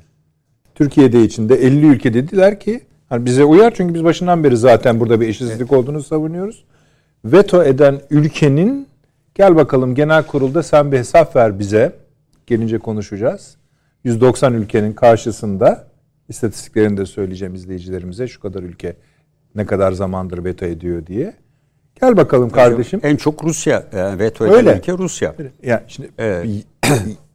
çatıda bir değişiklikler oluyor Süleyman hocam. Bunlar Evet, bizim ama- hani hayra mı o ayrı konu. Sadece çatıda değil. Yani ben e, Avrupa'da e, NATO'nun yeni sistemi içerisinde hep şunu görüyorum. NATO alt ittifaklardan oluşan bir yapıya kavuşturulacak. İngiltere, Polonya, Ukrayna arasındaki ben yapılanma e, bunun ilk adımı olduğunu düşünüyorum. Bu yapılanma tam anlamıyla hayata geçmedi ama bu durum Polonya'nın Avrupa içindeki jeopolitik e, etkinliğini arttıran bir hamle. Karargah yaptılar Ee, evet, neredeyse. Polonya şu anda Avrupa'da e, NATO'nun önemli bir merkezi konumuna geldi. Ülke açısından da e, güçlendi. E, buna benzer ikili üçlü yapılanmaların ben Avrupa içinde giderek artacağını düşünüyorum. E, dolayısıyla NATO ileride bölgesel komutanlıklar veya benzeri yapılar artık işlemez boyutta geldi. Zaten baktığınız zaman hepsinin başında Amerikalılar var. Ee, e, yani e, hangisini sayarsanız sayın Amerikalılar asla yerel komutanlıklara ve tali komutanlıkları veriyor. Amerika'nın e, haberi olmadan ve Amerikalı komutanın faaliyeti olmadan NATO hareket etmiyor zaten. Bunu herkes biliyor NATO'nun Amerika olduğunu. E, bu açıdan e, baktığımızda dediğim gibi e, Çin üzerinde yıpratma yani Rusya'ya karşı sürdürülen bu yıpratma savaşı Çin'i de yıpratma savaşıdır. E, aynı zamanda tabii Hindistan üzerinde de baskı, Çin ve Rusya'nın e, üzerindeki bu baskı e, onu istikametinde politika gütmeye çalışan Hindistan'ı ve zaten Pakistan'ı etkiledi malumunuz. Hindistan'ı da etkileme aşamasında belki Hindistan'a şöyle bir şey sergilenebilir. Güvenlik Konseyi'ne yeni üyeler alımı için Hindistan ve Japonya'nın ismi uzun süredir anılıyor. Tabii evet. Yani e, burada Amerika Doğru onları mükafatlandırabilmek Laf var için yani. Güvenlik Konseyi'nde e, Hindistan ve Japonya'nın alınmasını sağlayabilir ve bu sayede de Hindistan'ı Kuat dörtlüsüne ve kendi istediği politikaya çekebilir. Bağlantıları temsilen gibi. Japonya ile Almanya'nın da Tabii Almanya'nın var ama Almanya. Almanya sabit üye olarak Evet, sabit üye olarak yani bunlar Hindistan ve Japonya'nın Tıpkı sabit Amerika üye. gibi, Evet, Rusya Japonya evet biz 45'ten sonra cezamızı çektik. Değişiyor Ee, artık sistem. evet. Çünkü Japonya'nın dediğim gibi faaliyetleri arttı. Geçen programda da söyledik. Japonya Başbakanı, Dışişleri Bakanı'nın gezmediği ülke kalmadı. Rusya iyice Kuril Adaları nedeniyle e, tabiri caizse kafa tutmaya başladı. Buradaki diğer faaliyetler Solomon giderken. Adaları var. Evet. Hasan hocam anlatacak şimdi. Evet. Yani bütün bunlara baktığımızda e, dünyanın e, güç dengelerinde değil e, üst kuruluşlarının yönetsel yapılarında da değişiklikler e, ve farklı ittifak oluşumlarının oluşacağını işaretleri var. Bunlar bence 2022'de bu savaşın ortaya atacağı en önemli değişiklikler e, süreci olarak görüyorum. Aynı zamanda e, Orta Doğu'daki bu e, işte İsrail e, İbrahim bu- Bu anlaşmalarının sene olacağını mı söylüyor? Yani Efendim? Bu sene olur mu bu diyorsun? sene olur bence. E, çünkü bunu uzattıkları takdirde e, Çin'in dediğim gibi tüm veriler yeni verileri incelerseniz Çin'in ekonomisinin durağanlaştığı ve çöküşe doğru gittiğini gösteriyor. Çöküş demeyelim de e, eski e, ileri hızını Afrika'da ve diğer ülkelerdeki o etkinliğini yavaş yavaş kaybediyor. Ukrayna Savaşı aynı zamanda Çin'e Afrika'daki ve diğer ülkelerdeki faaliyetlerini de yavaşlatma ve kendisine yönelik olası bir saldırıya karşı kaynaklarını kendi ülkesi içerisinde toparlama yolunu açtı. Bunu Afrika'daki Amerikalıların verilerinden de görüyoruz. Yani Çinlerin faaliyetlerinde Afrika'da bir önceki döneme göre ciddi azalma var. Bu tabii Covid-19'un etkisiyle de e, söylenebilir. E, ama e, Çin'de genel bir duraklama başladı. E, işte 2050 hedefi Ama bu büyümeleri şey e, gayri safi milli hasılaları şu refah şeyleri falan rakamlar hep IMF'in Dünya Yo, Bankası'nın biraz onlar şey onlar ama şey başladı. Yani e, şimdi uçaklar ekonomiye take off denir. E, yükselirsiniz belli bir yerden sonra insan kaynakları yönetiminde kariyer platosuna geçersiniz. Şu anda Çin take off'u tamamladı. E, ve e, plato evresine e, ben e, veriler de Zaten onu nereye gösteriyor. gönderecek bir şey kalmadı ki. Ee, yani. Evet. Plato evresine geçiyor. Yani buradan eğer bir silkeniş yapabilirse bu süreçten tekrar zirveye çıkabilir. Ama e, Çin'de sanıldığı gibi e, şu anda biz çok sorunu var. Onların dışında hem e, iç dış Yani çok politikada aslında hani e, tabii. yani E, ana tabii. damarları konuşuyoruz. E, yani tabii. bunlardaki değişiklikleri konuşuyoruz. Bakalım hele bir seneye sığacaksa bu çok işimiz var Süleyman Hocam öyle söyleyeyim. Peki paşam tamam değil mi? Çok Tamam. teşekkür ederim. Ha, bir de hocam. tabii bu balistik füze testi çok önemliydi. Ee, Ayrı konuşalım evet, mı? tabii. Neydi sarmaz mıydı? Sarmaz. Evet konuşalım. Önemli bir şey o. Ben bildirdim diyor. Amerikalılar da bildirdik sorun e, bildirdi bize sorun yok diyor. Ama sonuçta Evet. yani dünyadaki şu an herhalde en güçlü En güçlü tabii. en güçlü nükleer silah kıtalar arası. Nasıl hocam çok birikti sizin konularınız ama tam da sizin konularınız. Bir Vallahi Sayın hocam Dışişleri Bakanı'nın çok, açıklamaları. çok not aldı. Heyecanla bekliyoruz Tabii, bakalım. Valla NATO, ben de bakayım ne- Birleşmiş Milletler. Orada ders çalışmışsınız zaten artık. Birleşmiş Milletler. Buyurun. Yani istediğiniz yerden başlayabilirsiniz. Efendim şimdi şöyle bir görüntü ortaya çıkıyor. Ee, 20. yüzyılı İkinci Dünya Savaşı nedeniyle Amerika kurduğu mali ve askeri sistemle götürdü. Bir yere kadar getirdi. Fakat e, bu sistem içinde kendi ürettiği ve sattığı maldan fazla harcama yaptı. Çünkü askeri giderler batık giderlerdi. Yani topu atarsınız bum, 100 bin lira gitti. Karşılığında bir şey yok. 800 üs laboratuvarlar dışında. Bunlara 20-30 milyon dolar herhalde harcanıyor. Çünkü işte paşam da bilir. Ankara'daki Amerikan üslerinde ilk Coca-Cola'yı keşfettiğimiz bizim Evet. lastik ayakkabıları Evet, bilmem neleri, lüks evet. şeyleri böyle hayretle, hayranlıkla e, falan böyle Amerikan pazarları falan ortaya çıktı. Jusmatlar bir şeyler. Ha, Jusmat da, evet. ciklet almaklar falan filan. Peşinden o üstünlüğü korumak için devamlı savaş yaptı. Ve savaş değişti, hukuk değişti. Nasıl değişti? İkinci Dünya Savaşı'ndaki getirilen insancıl hukuk devletler arası savaşı kapsıyordu. Yani iki devlet savaşırsa şöyle olacak, iki devlet savaşırsa şöyle olacak. İşte savaş esirlerine, paşam biliyor şeyleri. Baktılar ki ya devletler savaşmıyor. Ne oluyor? Diğer devletler içinde iç savaşlar çıkıyor. Hadi mecburen 1977'de yeniden savaş hukukunu yahut insancıl hukuku düzelttiler. Dediler ki iç savaşlarda da insanca davranın, birbirlerinizi öldürmeyin, şöyle yapın, böyle yapın falan filan. Kaç tane iç savaş? İşte ona en sonunda bizimkiler de kitap yazdı. Vekalet Savaşları diye. Ve peşinden de 48 askeri darbe müdahalesi. Yani Latin Amerika'dan başlayıp Orta Doğu'ya kadar müdahaleler. Bunlar hepsinde büyük paralar harcanıyor. Burada hiçbir üretim yok bakın. Üretim yok. O sırada ummadıkları şekilde bir de teorileri var. E, Liberal ekonomik sistemle yükselecekler. Baktılar ki Çin 1980'de değişti. Büyük bir aptallık yaptılar. Çin'i Uluslararası Ticaret Örgütü'ne aldılar. Çin de zaten Uluslararası Ticaret Örgütü'ne girmek istiyor. Savaşmak istemiyor. Almanya'nın nasıl Başına gelenleri tarafından çevrildiğini öğrenmiş falan. Oradan büyüdü, büyüdü, büyüdü, büyüdü. Bu sırada o golü Rusya yedi. İşte Afganistan'da şurada burada Doğu blokunu besleyecek silah yarışına girmeye kalkıştı ve iflas etti. Çünkü üretim gücü ona yeterli değildi.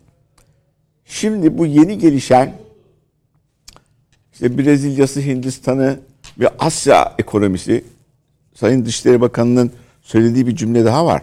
Ekonomi Asya'ya kayıyor diyor. Ha, evet. Ha, o cümleyi de söyledi. Dışişleri'nin tespiti bu. Ha, Bu dönem bitiyor. Yani Anglo-Sakson'un Amerikan dönemi bitiyor. Çünkü bu dönemi İngilizlerden aldılar.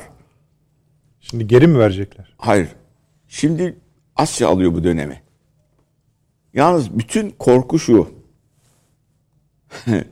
bir eski milletvekilimizin bir başkanın sözünü hatırlıyorum. Bu dönüşüm kanlı mı olacak, kansız mı olacak? Bu dönüşüm yarı kanlı şekilde başladı. Ukrayna Savaşı'yla. Ama bunu yani Rusya'nın burada kazanıp işte Donbas'la Kırım'ı alması, Afganistan'dan biliyorsunuz kaçarak çekildiler. Bunu hazmetmesi mümkün değil. Savaşı uzatmasının nedeni sadece Rusya'nın zayıflaması değil, kendi prestiji ve kendisini Avrupalara da ispat etme duygusu. Öbür türlü Vietnam'da yenildi. Başka yerlerde yenildi. Afganistan'da yenildi. Afganistan'da yenildi. Irak'ta zafer türküleri 2003'te söylediler. Ondan sonra Surge olayları bilmem ne. Şeyde tıkaldı. Libya'da tıkandı. Değiştirdiler ve yeni doktrinler ortaya çıkarttılar. İnsancıl müdahale. Peşinden şey hakkı, savunma hakkı. Barış Yani- koruma. evet, bilmem barışı korum. Şunlar bunlar. Ve hukukta olmadık şeyler. Önleyici meşru müdafaa. Sen silah alıyorsun. Aa, bu, bununla kavga ederiz diye önceden ben seni vuruyorum falan. Böyle bir takım kurallar ortaya çıktı. Hukuk dehşet içinde kaldı. Baktılar ki bu iş gidemiyor. Trump bunlardan değişik bir politika istedi. Dedi ki biz kendi içimize doğru dönelim. içteki ekonomiyi üretip geniş şekilde kurtaralım. Nereden ne yapalım? Irak'tan, Suriye'den çıkalım. Asya'da yaptığımız bir takım hareketler var. Onları koruma, onlardan da çıkalım. Çin'le bir takım ekonomik yaptırımlar uygulayalım. Bizden aldığın kadar biz de senden alabiliriz. Bunu dengeleyelim falan diye. Ama e, Trump'ı e, beğenmediler. Biliyorsunuz kendi güvenlik danışmanlarıyla kavga etti. Yani mecbur oldu. E, İsrail lobisine bir takım topraklar vermeye dedi ki Kudüs sizindir. İşte bilmem ne Golan imzaladı. tepeleri sizindir falan diye millet düştü bayıldı. Yani babasının malını veriyormuş gibi oldu falan. Yani o kendisini kurtarmak içindi kurtaramadı. Şimdi burası gidiyor. Ama Pentagon ve içerideki corporate Amerika denilen yani işletmeler Amerikası'nın ikinci bir ekonomik durumda yaşamasını kabul etmesi mümkün değil. Rusya'nın da Rusların yaşadığı topraklardan gittikçe gerileyerek üzerine genişleyen bir NATO, Paşa'nın da söylediği gibi Çin de bu sırada yol ve kuşak projesini kesmeye çalışıyor. Avrupa'yı da yanına alatmaya çalışıyor. Onun da hazmetmesi mümkün değil. Bu Rusya'nın dağılması demek. Rusya'nın dağılması, Çin'in dağılması. İkide bir şunu yazıyorlar. Amerikan kitaplı. Ru- Rusya burada başarılı olamayınca Putin gidecek. Bu aslında diyor ki içeridekilere siz darbe yapın. Psikolojik mesaj. Subliminal. Yani bu yeni çıkan filmler subliminal mesaj veriyor. Çakın bu adama. Putin giderse bu herif daha iyi durumlar ortaya çıkabilir diye subliminal mesaj veriyor. Kendisi de bu Kasım seçimlerinde topal ördeğe dönüşebilir. İşte bir Hintli kadın Kaç ay kaldı işte bakalım göreceğiz. Kasım'ın altısında. Ha, bu durum maalesef e, hem asri ekonomik açıdan zor duruma sokuyor. Çünkü arz zincirleri e, duraklıyor. E, petrol ve enerji sistemleri e, bozuk hale geliyor. Latin Amerika'da çöküşler var. İşte Güneydoğu Asya'da Sri Lanka şudur budur filan biraz sonra Pakistan ekonomik olarak çökebilir. İran da o durumlarda. Ve bu bölgede tam orta noktada bulunan Torn Country dedikleri yani ne e, Orta Doğulu bir ülke ne de Avrupalı bir ülke. Ortasında Avrupalı Orta Doğulu bir ülke olan Türkiye'yi de zorluyor. Çünkü tam bu geçişin ortasında. Birileri Amerika'nın bu hırsını durduramazsa Birileri kim hocam? yani Birileri. Bilmiyorum ki bu sefer Biden da değiştirsinler yahut e, yani Rusya'nın e, durması mümkün değil. Şimdi bu harita geçerli mi acaba? Bunu söyleyebilir miyiz bu Tabii konuda? tabii buyurun Ha, buyurun. Şimdi Çin Solomon adalarıyla bir anlaşma yapmış. Güvenlik ticaret işbirliği Benim anlaşması. arkadaşlar şeyde de Jimmy'den de verebilirsiniz. Ek, tam ekranda verebilirsiniz. Hocamla da verebilirsiniz. Ha, Şimdi bu anlaşmaya bakıyorsunuz. Ticaret filan denizlerde. Birdenbire Amerika diyor ki sen benim stratejik bölgeme girdin. Stratejik bölgesine bakın. 13.476 kilometre. Ha, öbürü Ukrayna'yı NATO'ya alıyor. Sıfır kilometre. Putin saldırıyor buraya. Nasıl olabilir bu diye. Tabii dürtüklediği Avustralya, Anglo-Sakson o da. Onun da 3170 kilometre diyor ki benim güvenliğim konusunda bir takım olaylar oldu diyor. Halbuki en büyük Çin'in ekonomik ortaklarından biri de Avustralya. Evet. Öyle. Arazileri ama, var, ama pirinç alıyor, şey, veriyor oradaki vesaire. baba söylediği için şimdi 13 bin kilometreden tehdit alan adam NATO'yu Ukrayna'ya aldığında Putin'in bir davranışını kınıyor. Biz istediğimizi şeyi alabiliriz. Ha, Çin Ukrayna şeyle Salomon Adaları'yla anlaşma yapamaz öyle mi? Yani şu aslında şimdi Solomon Adaları bu kadar büyük bir stratejik konuşmaların, büyük haritaların açıldığı yerde garip bir ülke gibi duruyor. 700 bin kişilik bir yermiş hocam E, burası. tabii yani or- oradan tehdit alıyor adam. Ve Amerika oradan- diyor ki sen Çin'le fazla yakınlaşmayacaksın. Çünkü benim güvenliğimi tehdit ediyor bu durum diyor. Evet. Rusya'ya da diyor ki benim diyor Solomon Adaları'na uzaklığım 13.476 kilometre. Senin Ukrayna'ya uzaklığın 0 kilometre. Sen de oraya karışmayacaksın. Evet. Böyle bir E, ne e, var burada? yapısı var ilginç. Şimdi bir şey konferansı oldu 2002 yılında İzmir'de. Uzatıyorum kusura bakmayın. NATO toplantısıydı. Ben de terörizm merizm konuşması Genelkurmay'dan bir arkadaş bir de Savunma Bakanlığı'ndan. Zaten yukarıdan girersen Genelkurmay aşağıdan girer. Şeyi anlatıyorlar. E İşte tehdit, Irak'ta tehdit. Şöyle yapıyor, bombalar hazırlanıyor. Bir topları varmış 2000 metre, oradan Avrupa'yı vuracaklar falan filan. Müdahale edecekler. Ee, Türkiye buna ne diyor falan. Ben de konuşmacıyım. Dedim ki evet yani bu güvenlik sarsıldığında müdahale edilebilir. Biz de dedim Kıbrıs'tan rahatsız oluyoruz. O zaman S-300 füzelerini almıştı Kıbrıs. Bunu nasıl yapabilirsiniz? E dedim siz 3000 kilometreden Irak'tan tehdit algılıyorsunuz. 75 mil ötedeki Kıbrıs'tan biz tehdit algılamaz mıyız? İşte işaret ettiler yani Amerika ile kavga edilmez gibilerden. Sustuk. E şimdi yani inanılmaz boyutlarda diyorlar ki güçlü olanın haklı olduğu durum olur. İşte güçlü olanın haklı olduğu kendisini ulusal çıkarın devletler hukukunun veya hukukun üstünde gördüğü durum bu. Solomon Adaları ne demiş? Salomon Adaları şaşkınlık içinde çünkü Çin'den ucuza ekonomik Tabii anlaşma imzalamaya çalışıyor. 700 binlik yani Ha, yani orada bir askeri boyut falan da yok. Güvenlik anlaşması. Bir şey olsa beni koruyun falan gibi de o palavradan öyle bir takım şeyler de yapılabilir. Donanması da gelmeyecek Çin'in oraya. Ve olay tamamen e, karıştırılmış bir durumda. Yani e, ve bunu e, kamuoyu da hiçbir yerde yok bu. Yok yok. Yani bu aslında sonradan belki iletişim fakülteleri de bir bakmalı buna Süleyman Hocam. Yani bu kadar ciddi bir karartmanın, baskının yani ben hani yine kendi konularımızla ilgili olarak konvansiyonel konvansiyonel basının yayınlarını arşivliyorum. Sonra hatırlatmak lazım çünkü o konuşmaları. Yaz- yazıları, köşeleri, manşetleri. Ee, ama bence ele alınmalıdır. Ee, Hasan Hocam bir de bu NATO konusunda ya da Birleşmiş Milletler'in yapısı konusundaki değişiklikler hakkında ne düşünüyorsunuz? Olası değişiklik diyelim tabii. E, Vallahi e, olması gerekiyordu. Çünkü e, asıl yürütme bu beş kişinin elinde. Veto verdiği zaman hiçbir konu konuşmuyor. Daha çok temsiliyet olabilmesi lazım. Ha belki 1945, 46, 47'ye kadar bu ülkeler barışı sağlayacak olan ülkelerdi. Fakat ikiye bölündüler. Hatta şey vardı. Ortak askeri komite. Ruslar, Çinler falan. O 47'de kalktı. Onun yerine işte NATO'yu kullanıyorlar yahut e, barış gücü oluşturuyorlar falan filan.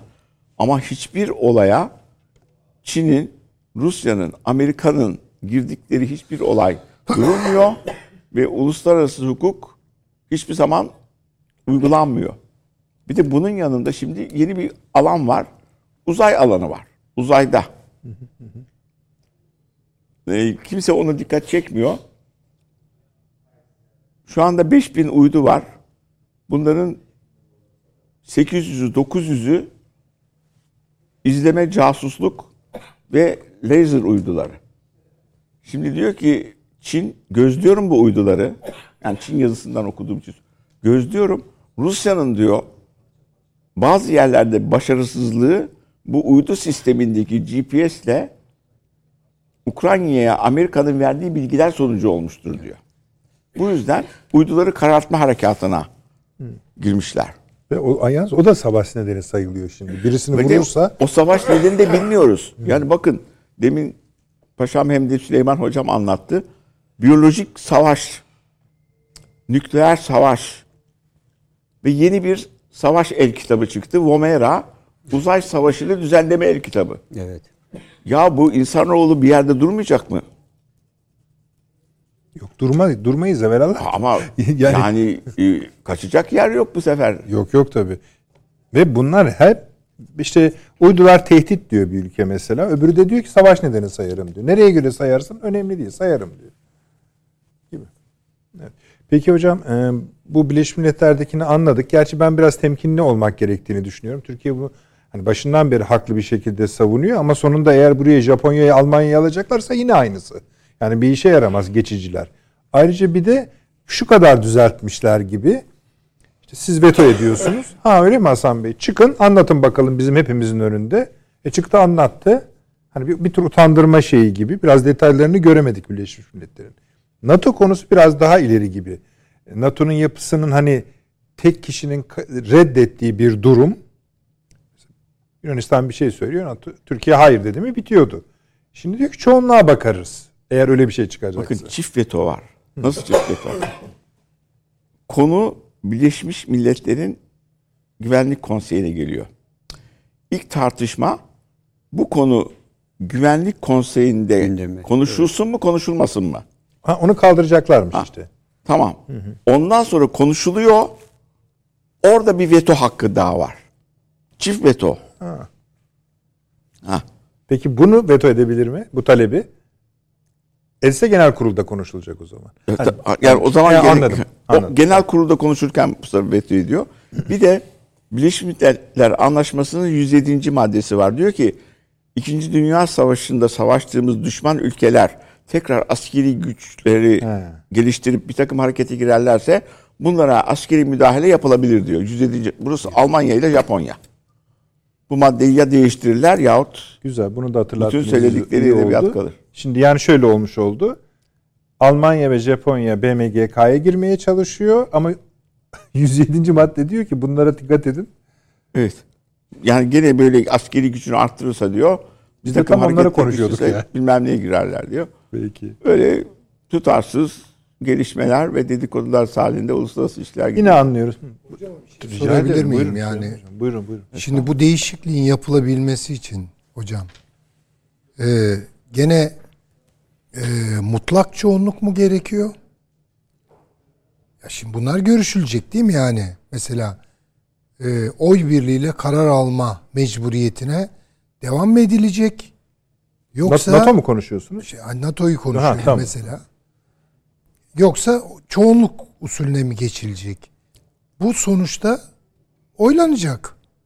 E, oylamada ne aranacak? Çoğunluk mu? Veto. Yoksa gene İşte bir, bir üyenin hayır demesi ne olacak? Ama kurucu anlaşmanın değişmesi işte onu merak yani. ediyorum. Yani kurucu anlaşmayı değiştirmekte nasıl bir oylama tekniği kullanılır? Konsensüs de olabilir.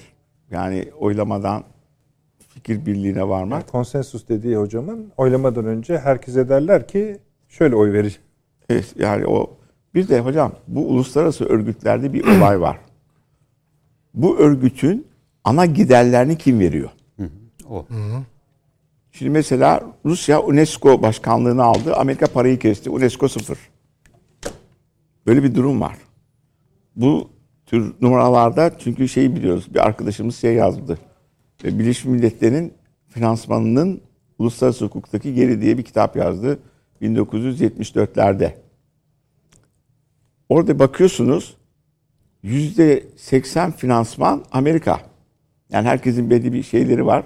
Bu kestiği zaman bir sürü örgüt, işte yar, yan yardımcı örgütler var, bilmem ne kuruluşları var bundan filan. Birdenbire para sıfıra iniyor. Ondan sonra bir takım bürokrasi fonksiyon yapamayan, edebiyat yapan hale geliyor. Sistemi kuranların sisteme para sokabilecek de gücü olması lazım. Şimdi bu NATO'nun genişlemesi var ya, her genişlemede e, 4-5 milyar dolar harcanması gerekiyor yeni alınan ülkenin NATO sistemlerine Uyum uyması var. için. O yüzden bu genişlemede bu masrafı nasıl üstlerine alacak? Bakın şeye yardım edeceğim demiş. Ukrayna'ya.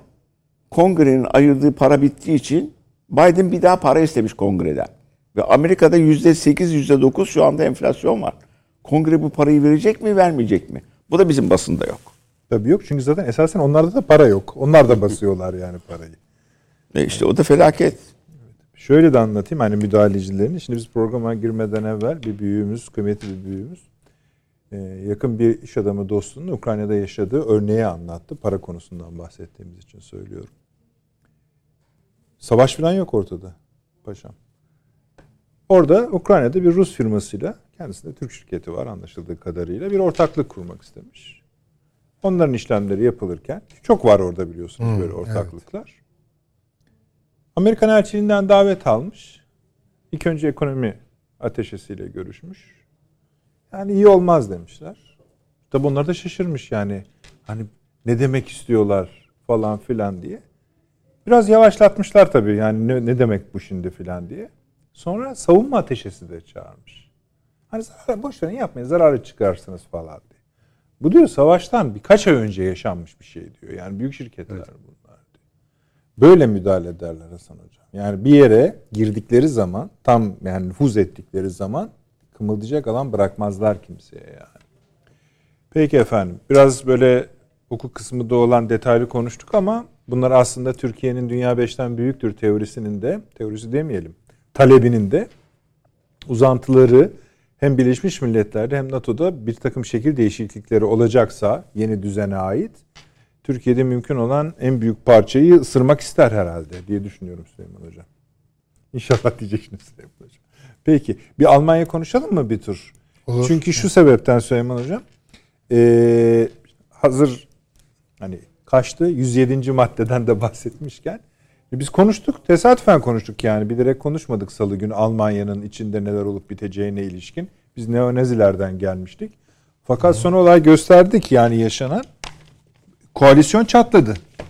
Yani çatladı derken tamam canım bir şey değil mi? Onun için size söylüyorum zaten. Efendime söyleyeyim. Hani biraz daha anlatın madem öyle diye. Ee, fakat Şahin taraf şeyler. Yeşillerle bir parti var. Söyleyeceğim şimdi. Dışişleri Bakanı On, ha yaşayın. Ondan sonra hükümet de şeyi kurtarmaya çalışıyor. Yani aslında onu toptan berhava edecek bir sonuç çıkabilir. Bu şeyi asla güvenmiyor. Bu enerjinin geleceğini. Rusya ile kapıştılar. Amerika dedi ki ben tamam bunu telafi edeceğim. Çok ee, e, hani yetişmiyordu hocam. Parası falan da değil. Verecek belki Amerika. Hem şeyi yetişmiyor. Yani süreler yetişmiyor. Donacak ülke. Artı sanayisi. Sanayi. Oraya lazım yani. Öbürü önemli değil. Şimdi vereceksin, vermeyeceksin falan derken ilk karar çıktı. Almanya Ukrayna'ya askeri yardımı ne kadar paşam? Yarı yarıya herhalde azalttı. Evet. bitirdi. Zaten baştan problemliydi. NATO'nun bir başka merkezi Avrupa'nın onların eski çekirdek dedikleri en önemli ülkesi, Avrupa'yı yaşatan ülke. Rusya ile bugüne kadar işte bahsettik. Otpolitiktir vesairedir ilişkileri olmuş ve nihayet e, sizin en favori ülkeniz İngiltere ile de hemen ilişkileri bulunan. Buyurun Süleyman Hocam. Estağfurullah. Şimdi coğrafya kaderdir. Çok artık bu dillere pelesenk oldu ya. Birileri Almanya'daki hükümet yetkililerine bu sözü hatırlatmak zorunda. Çünkü haritaya çıplak gözle baktığımız zaman demin mesafeleri falan konuşuyorduk ya. Atlantik Okyanusu'nun uç tarafında, uzak tarafında yer alan Amerika Birleşik Devletleri ile Almanya'nın ilişkisini tarihsel bir zemine oturtacak, sürdürülebilir kılacak bir şeyler varsa bile hemen burnunun dibindeki Avrasya gücü Rusya ile olan derin bağları bu kavgalı bir bağ da olabilir. Ee, bir savaş tarihinde düşündürebilir. Rekabet de olabilir, işbirliği de olabilir, her şey olabilir. Herhalde küfede çok daha büyük bir ağırlık çeker. Yani şimdi Almanya'nın geleceği denildiği zaman yani birinci derecede Almanya'nın düşüneceği komşu coğrafyalar nerelerdir? Rusya'dır, Polonya'dır, ne bileyim Doğu Avrupa'dır, biraz Baltık'tır filan. Oralara bakması gerekiyor. Lakin bu kafada değiller bu zevat. Bunlar başka türlü düşünüyorlar. Böyle çok havai fikirleri var. Yani öyle bir şey vardır eski dilde. Yani biraz uçuk konuşunca çok havai konuşuyorsun. Hawaii takım adalarını falan e, kastetmiyorum. Anladım. Yani bayağı havai bir haldeler. Ve inatçılar üstelik. Şaşırtıcı bir biçimde. Ya Rusya ile can ciğer kuzu sarması olmak zorunda değilsin. Sen bir Willy Brandt çıkarmışsın. Soğuk Savaş'ın en civcivli günlerinde. Olmuş da yani canciğer de olmuş. NATO gibi yani yakınlaşmalar olmuş. Oldu tabii. Yani sonuçta ne oldu ama? Alman sanayisi sürdürülebilir bir istikrarlı büyüme kazandı. E sen şimdi bu dalı kesiyorsun. Peki olabilir. Bunu neyle ikame edeceksin ya? Bunun yerine ne koyacaksın? O da meçhul. Doğru. Yani şimdi bunda akılda, fikirde bir hesabı o var mı bunun Allah aşkına? İçerisi bu sefer çok ses çıkarmaya başlıyor. Şimdi biz de ne dedik burada? Daha doğrusu ben kendi alma hesabıma şunu söyledim. Bu NATO'nun konsolidasyonu meselesi ilk günlerde olduğu gibi böyle ani bir yağmur bastırır. Bulduğunuz şemsiyenin altına sığınırsınız. Ama orada bir ömür geçmez. Şimdi konsolidasyon bu kadar. Yani tekrar hatırlattılar soğuk savaş reflekslerini. İşte Ruslar saldırgan falan filan. Ay falan diye böyle bir koşturdular. Amerikan şemsiyesinin altına. E orada geçmez ama ömür. Bravo. Çıkmak zorundalar oradan. Almanya bizim tasavvur edeceğimizin ötesinde. Bakın orada şu kadar milyon insanımız var. Onların anlattığı hikayeler, tecrübeler, şu bu hala anlaşılmış değildir. Almanya uygarlık tarihinin arı kovanıdır. Şimdi mesela ben bunu hatta öğrencilere şöyle anlatırım. Mesela Türkiye'de bir insanın yakın akrabasına hele hele muhterem validesine hakaret ederseniz bu yüzde elli ölmeyi göze almaktır. Böyle değil mi yani? Öyle. Almanya'da bu birine tembel demekle eşdeğerdedir. Başarısız demekle eşdeğerdedir. Ya bu adamlar için çalışmak, üretmek modus vivendi, hayat tarzı. Kültürel olarak genlerine girmiş. Şimdi böyle bir Almanya'yı siz enerjisiz bırakıyorsunuz. Öyle mi? Yani ve yüksek bir enflasyona mahkum ediyorsunuz bir de yani. Göçmenler abi. Ya bir de o. Şimdi böyle bir e, politikayı Amerika'nın keyfi için veya ne bileyim bir takım e, meseleleri için Almanya'yı ateşe atmak gibi bir şeydir bu. Bunu Almanlar anlamayacak mı? Elbette anlayacaklar. Onun için ben burada yani Almanya'nın eninde sonunda lanet olsun diye bu denklemden çıkacağını düşünüyorum. Zaten hani onu demesine de gerek yok. Bu kalacak gibi gözüküyor. Çıkmazsa çok korkalım. Bu şu demektir. Almanlar çalışkan olduğu kadar yani tulum giymeyi bildikleri kadar üniforma giymeyi de bilirler. Evet öyle. öyle. İşte orada tulumu e, giymeyi imkansız bırakan bir ekonomik kriz Alman militarizmiyle sonuçlanıyorsa ve birileri de bunu kullanmak istiyorsa valla çok korkulur bu işten. Gidişat da biraz oraya. yani 100 bilmem milyar avro silahlanma ayrılacakmış.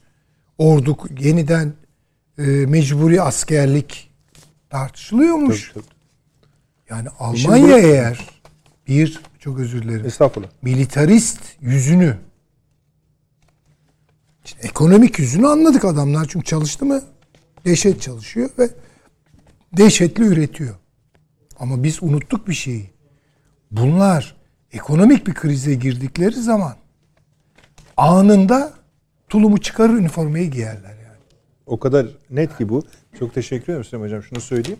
Bu hükümet içindeki bize artık yansıyan çatlama hali şu adımla başladı. Onların TÜSİAD'ı diyelim. Yani bizdeki siyasi anlamıyla söylemiyorum. Onların iş adamları, sanayi devleri, holdinglerinin patronları bir açıklama yaptılar. Dediler ki bu iş nereye gidiyor? Buna ilk kim katıldı biliyor musunuz? Çalışan sendikaları. Tabii ki. Bu işte tam hani tulumu çıkarmanın birinci adımıydı. Tabii tabii. Bugün de yani izleyicilerimize temel bilgi verelim hani. Sosyal Demokrat Parti, Hür Demokrat Parti ve Yeşillerden oluşan bir e, hükümet var. İtiraz eden Yani Yeşillerle alternatif parti yok yani burada. tabii tabii. Yani Nazi partisi Yok, yok, öyle bir yani. şey yok. Bunlar Öyle bir şey yok. Bir de- yeşilleri bu yani bunların. Evet. Aa, yani Haki'yi ilk yeşilleri giydirirler öyle. ha, yani. öyle olur tabii. Öyle tabii. ilginç. Peki. Buyurun paşam. Ee, Yani burada e, aslında e, oluşan hamleler e, hükümetin e, bence düşürüle, düşürülme sonucuyla gerçekleşebilir. Varır mı diyorsunuz? E, bu tabii ana muhalefet partisi lideri e, aslında Amerika'nın e, eğer Frederick Merz gelirse e, büyük ölçüde Amerika'nın istediği doğrultuda bir hükümet teşkil edilebilir. Merz'in e, Amerika ile olan ilişkileri daha e, yüksekti. Daha ileri seviyede. E, bu yüzden e, böyle bir e, politika değişikliğini e, esasında Scholz'la başlatan Amerika bir sosyal demokrat olmasına rağmen e, tabii e, tam anlamıyla hükümette bir çattan meydana gelmesini ana muhalefet partisi de e, Merz vasıtasıyla daha etkili bir şekilde kullanabilir. E, bir hükümet değişikliğine kadar gidebilir. Değiştiği takdirde Almanya'nın tam anlamıyla e, Amerika'nın güdümü altına girebileceği düşünülebilir. E, bu arada tabii bu gelişmeyi e, ben e, Macron'un tabii Fransa'nın yapacağı hamleler önemli. Biliyorsunuz e, Fransa, Almanya evet Avrupa Birliği içinde e, ortaklar ama e, Fransa e, Avrupa'da her zaman için kendisinin en büyük tehdidi Almanya olarak görüyor. E, ve e, bu tür silahlanmaya ve gelişmesine e, müsaade edecek midir Almanya'nın? E, onu ayrıca değerlendirmek gerekir. Diğer bir konuda tabii Amerika'nın bu ortamda e, Tornado uçaklarının yerine F-35 satım var biliyorsunuz. Evet. Evet. evet. Yani bu Avrupa'da da dengeleri değiştirecek bir e, olay. Fransa bu konuya olumlu bakmıyor örneğin. Yani e, bu satışın Avrupa'da dengeyi değiştireceğini e, ve bu yüzden de bu satışa e, pek e, olumlu bakılmıyor. Ancak bu seçim sonrası bu daha da netleşecek. E, belki e, e, Amerika Birleşik Devletleri bu hamlelerle e, Avrupa içerisinde e, Fransa'yı devre dışı bırakmaya çabalıyor gibi geliyor. Yani e, e, Fransa yerinde e, yerine daha çok e, İngiltere'nin e, sözünün dinlendiği NATO kapsamında İngiltere ve Almanya işbirliği bir şekilde gerçekleşebilir mi bilemiyorum ama Merz iktidara geldiği takdirde Amerika yalnız tutumu nedeniyle e, tamamen e, İngiltere ile işbirliğini arttırabilir. E, bu da e, o zaman e, işte e, Avrupa içinde Amerikan yalnız ittifakların kurulmasını sağlayabilir. E, bunda çünkü Le Pen geldiği zaman açıkça diyor biliyorsunuz. Ben diyor NATO'nun askeri kanadından çıkacağım diyor. E, Fransa zaten AUKUS konusunda yenilgiye uğramıştı. E, bu arada tabii Çin Solomon Adaları'yla yaparak esasında AUKUS'a en büyük darbe indirmiş oldu. Oldu. Tam A- AUKUS'un e, dibine girmiş oldu. E, o da ayrı bir durum. E, Almanya tam anlamıyla bir belirsizlik içerisine gitti. Çok e, değişken ve e, sabit olmayan politikalar izliyor. Savruk bir şey gibi duruyor. E, yani savrulacaklarmış gibi duruyor. Şimdi şöyle bir şey de var. Alman parlamentosu e, ilk kez e, 47 yaş ortalamasıyla seçilmiş bugüne kadar. Ve 736 milletvekilinin e, 47 yaşın altında olan 30 tane de milletvekili var. Bunların büyük bir kısmının e, komünizmi, Rusya'nın Doğu blokluğunda etkilerini falan hatırlamayan bir nesil olarak lanse ediliyor. Dolayısıyla e, buradakilerin eski komünist sistemin kötülükleri, fenalıkları üzerinde yorum yapmaktan ziyade Rusya yanlısı bir e, tutum takınabilecekleri de ifade ediliyor. Bunlar şey deniyor Rusland versteher yani Rusya'yı anlamak e, anlamında bir e, ifade. E, bütün bunlara baktığımızda e, bunların yapısını da dikkate aldığında Amerika olası bir Almanya'nın e, Rusya ile tekrar eski bir işbirliği içerisine girmesi aralarında birçok krizler vardı. Biliyorsunuz Rusya e, Amerika'nın Bundestag meclisine bir siber saldırı düzenlemişti. E, ondan sonra aralarda birçok uluslar oldu Tabii ama şeyler çıktı evet, e-mailler çıktı evet, ama vesaire. Merkel ile Putin biliyorsunuz en çok görüşen liderdi. E, ara, e, arayı hemen düzelti veriyorlardı yani onlar bir araya gelerek. E, bu yüzden de şu anda Almanya bu boşluğu görüyor. Yani bu boşluğu hissediyor. Merkel'in e, toparlayıcı ve biz kurduk zamanında biraz e, dinlesinler. e, evet e, hamle hamle üstünlüğünü e, Almanya'nın e, kaybetmiş durumda. Yani Almanya o zaman denge. Diğer bir konu da Schröder'di sanırım değil mi? O biliyorsunuz Gazprom'un üyesi şeydi. Yönetim kurulunda mıydı? Öyle, Yani, hala öyle Evet, galiba. hala öyle. Şu anda her ne kadar Gazprom böyle duruyor gibi olsa da e, Kuzey Akım 2 e, bence Kuzey Akım 2 e, eğer e, farklı bir iktidar değişikliği olursa Amerika'nın en büyük korktuğu şey budur. E, Almanya içindeki yoğun bir muhalefet e, bunun tekrar açımına gider. Çünkü e, Yeşiller ve diğerleri Almanya'nın enerjisiz kalacağını e, da aynı zamanda söylüyorlar. Şimdi Almanya 2022'de nükleer santrallerini kapatacaktı. Tekrar e, devam ettirme kararı aldı.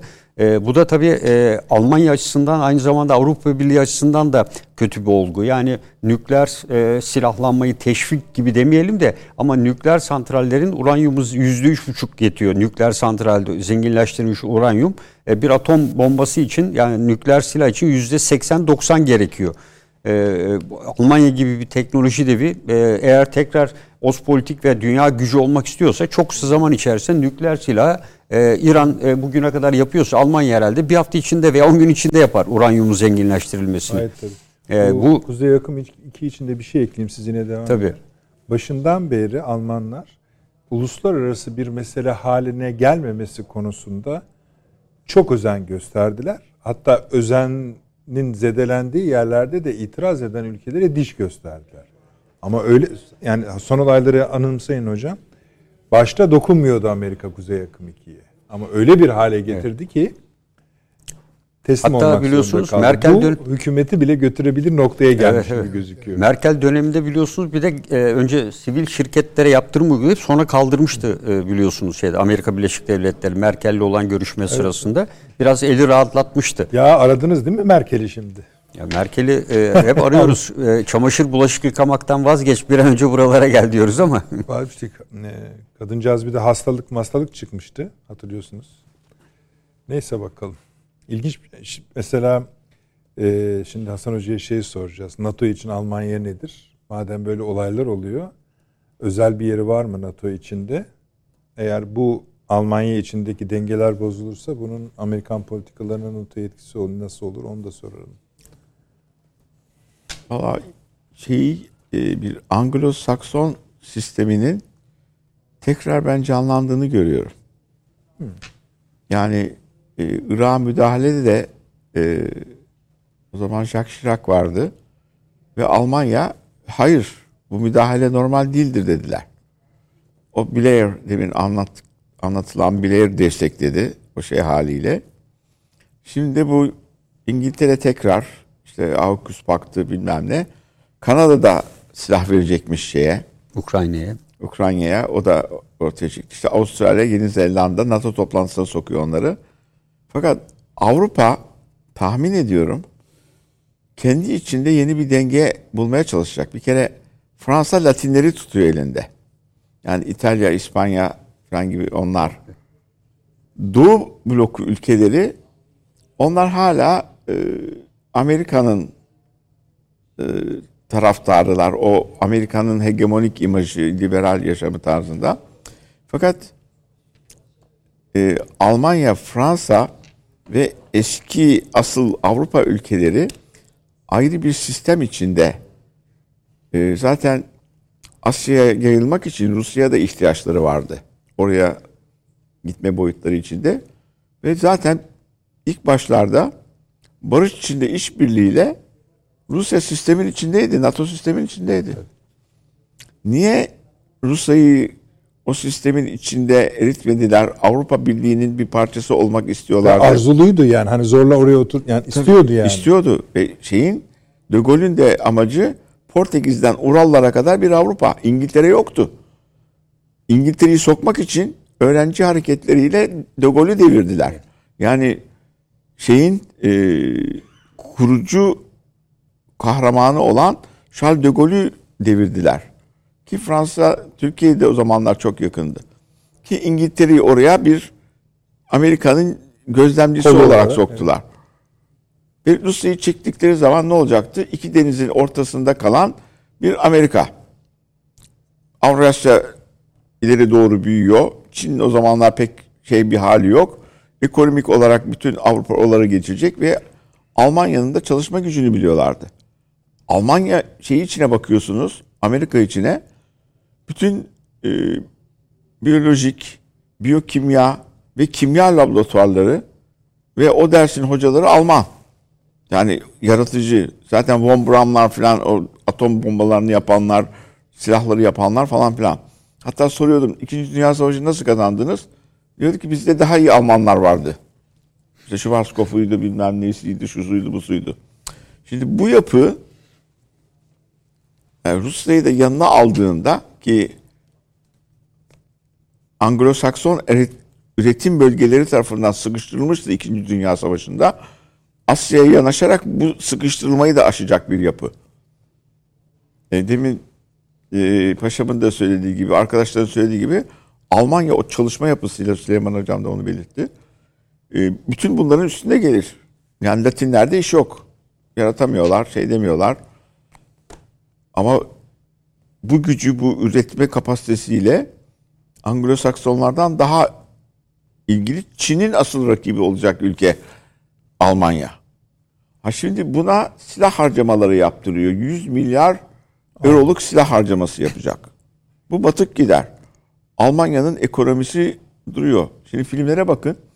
Filmlerde Amerikan filmlerinde Mercedes araba görüyorsunuz ya. Bunu nasıl sokmuşlar filmlere diye söylüyorum. Çünkü iyi arabaya binmek istiyorlar. iyi yapılara binmek istiyorlar. Ve de gene arkadaşların söylediği gibi bıraktıkları anda iki ayda atom bombası yapar. Atomu zenginleştirmek çok önemli bir şey değil ki. Onun elektronik sistematiğini kurmak. Öbürü bir toz. O tozu patlar hale getirebilmek elektronik sistemler. Sarı pasta dedikleri çok rahat yapar tabii. O yüzden uzun dönemde bu yapının devam etmeyeceğini zannediyorum. Yani böyle büyük savaşlar çıkartarak işte Ukrayna halkına yardım ediyoruz. Aslında Ukrayna benim üstünlüğüm için ölsün demek istiyor. Bunu anlamıyorlar. Ben habire arkadaşlara silah veriyorum. Arkadaşlar dövüşün. Arkadaşlar dövüşün. Arkada ki- beni kimse görmüyor. Ama habire oradan arkadaşlar ölüyor. Patır kütür patır kütür falan. Daha da dövüşün. Karşı tarafın ezilmesi lazım. E sen neredesin? E işte para veriyoruz ya silah veriyoruz diyor. Bu klasik eskiden beri bunu yapıyordu. Bize de danışman gönderiyordu. Bilmem ne gönderiyor. Hadi şeye. Ve hiçbir Avrupa ülkesi bu savaş büyürse Amerika'nın yanında Balkanlarda şurada burada savaşa girmez. O İkinci Dünya Savaşı'nı yaşadılar. 70 milyon kaybettiler. Erkeklerini kaybettiler. Bir daha aynı şeyi niçin yapacaklar bunu? Ee, Amerika'nın üstünlüğü devam etsin diye. E bunu biz anlıyoruz da oradaki Alman kafası bir sürü analizler yapanlar var. Onların analizleri ortaya konmuyor. Habire Anglo-Sakson kitaplarını okuyup duruyoruz. Uluslararası ilişkilerde onları anlatıyoruz. Yaşayın. Tabii asıl Almanlar koyuyordu teorileri, fikirleri. Jeopolitiği çıkaran onlar, coğrafyayı tabii. E Şimdi bu milleti silahlandırıyorsun. Tetonik şeyler Avustralya'da onlar, Avusturya'da onların yanında. İsviçre'de Alman kökenli falan böyle bir Alman şey var.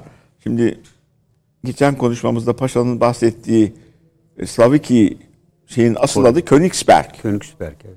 Alman şehir orası. Yani kral şehir, König kral, kral şehri demek. Bunları almayı düşünmüyor mudur? Ruhunun içinden geçmiyor mudur? Hepsini geçiyor. Onlar.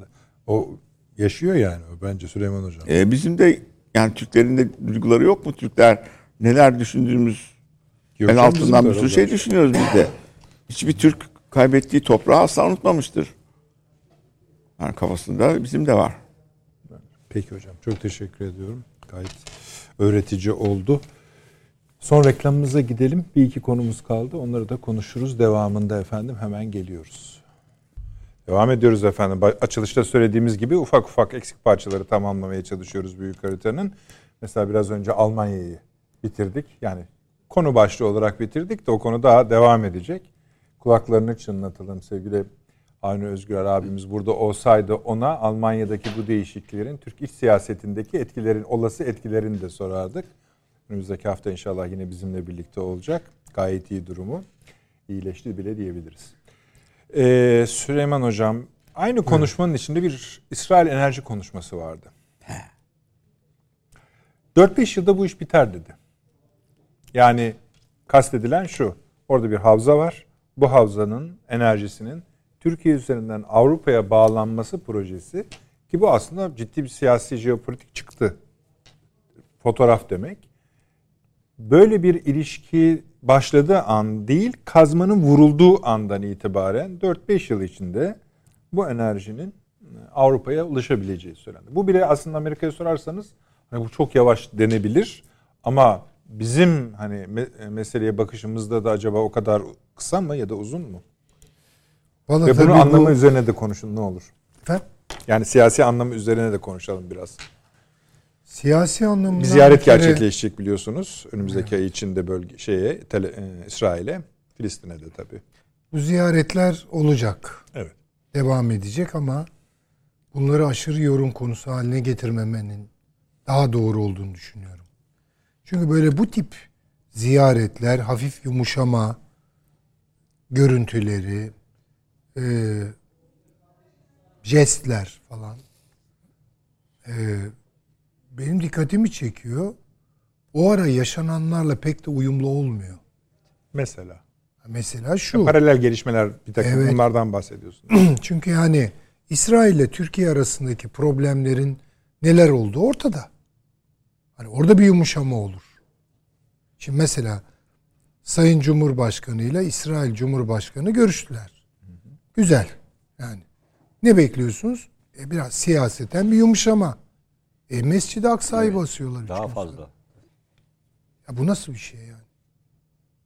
Bu, bu ekonomik olarak işbirliği yapabilirsiniz. İsrail'le zaten bizim ekonomik ilişkilerimiz siyasal küslüğümüzün dışında devam ediyor. Yani bu da bence çok sağlıklı. Tabii en sert olduğu dönemde de hatta Tabii arttı bu, bile. Bu çok sağlıklı. Ama bunun hangi ölçeğe kadar ölçek meselesi? İşte ölçek bu olsa olmuyor mu? E biraz orada ölçek değişiyor. Peki. Yani orada çünkü iki ülke arasındaki ticaret hacmini konuşmuyoruz. Orada bir harita konuşuyoruz. Evet, işin ucu nereleri tutuyor? Avrupa'yı tutuyor falan. İsrail'in benim takip edebildiğim kadarıyla yaptığı açıklamalar Türkiye ile bu e, mikyasta, bu çapta bir hacim artışı ekonomik anlamda enerji meselesi bundan yana e, olduğuna dair bir belirti görmedim. Tam tersine. Bakın. Tam tersine. Hı hı. Bunu düşünmediklerini açık açık söylüyor en yetkili ağızlar. Mesela yani kim kim Enerji kim, Bakanı söylüyor. Hayır şey ne dediler ki? Mesela yani şöyle, o yani. Şunu diyorlar. Bunda acele etmeyeceğiz. Politik bir şey de olabilir. Yani bunu Türkler çok istiyor. Yani evet rantabül tarafları da var. Kesinlikle olmaz demeyiz. Ama bizim tercih ettiğimiz daha çok Mısır'la işbirliğidir. E şimdi ne oldu? İşte ama Avrupa'ya gitmez ki oradan. İşte Libya'ya gider. E, hayır bir de şu var. Mısır'ın avantajı şu. Ya benim uzmanlık alanım değil. Ama ya ben zaten hiçbir şeyin uzmanı değilim de. Neyse yani bu bu, bu hiç değil. ee, şey Mısır'da benim e, baktığım gördüğüm kadarıyla çok güçlü e, sıvılaştırma tesisleri var. Evet. sıvılaştırma tesisleri var. Sayın Hocam Türkiye diyor ki aslında herkes diyor ki eğer böyle bir imkan var ise en feasible'ı bu diyorlar. Tamam, kağıt üzerinde. Kağıt üzerinde. Tamam evet peki. Kağıt üzerinde böyle olabilir. Ama İsrail bunu tercih edecek mi? Bu yolda hani İsrail'den açık veya yarı açık bir açıklama gelmedi ki bugüne kadar. Ben kaçırmışsam bilmiyorum. Yo, ben de rastlamadım. Belki şöyle Hasan Ama kapalı kapılar ardında Sayın e, Dışişleri Bakanı başka temasları vardır. Bize çıktısını söylüyordur.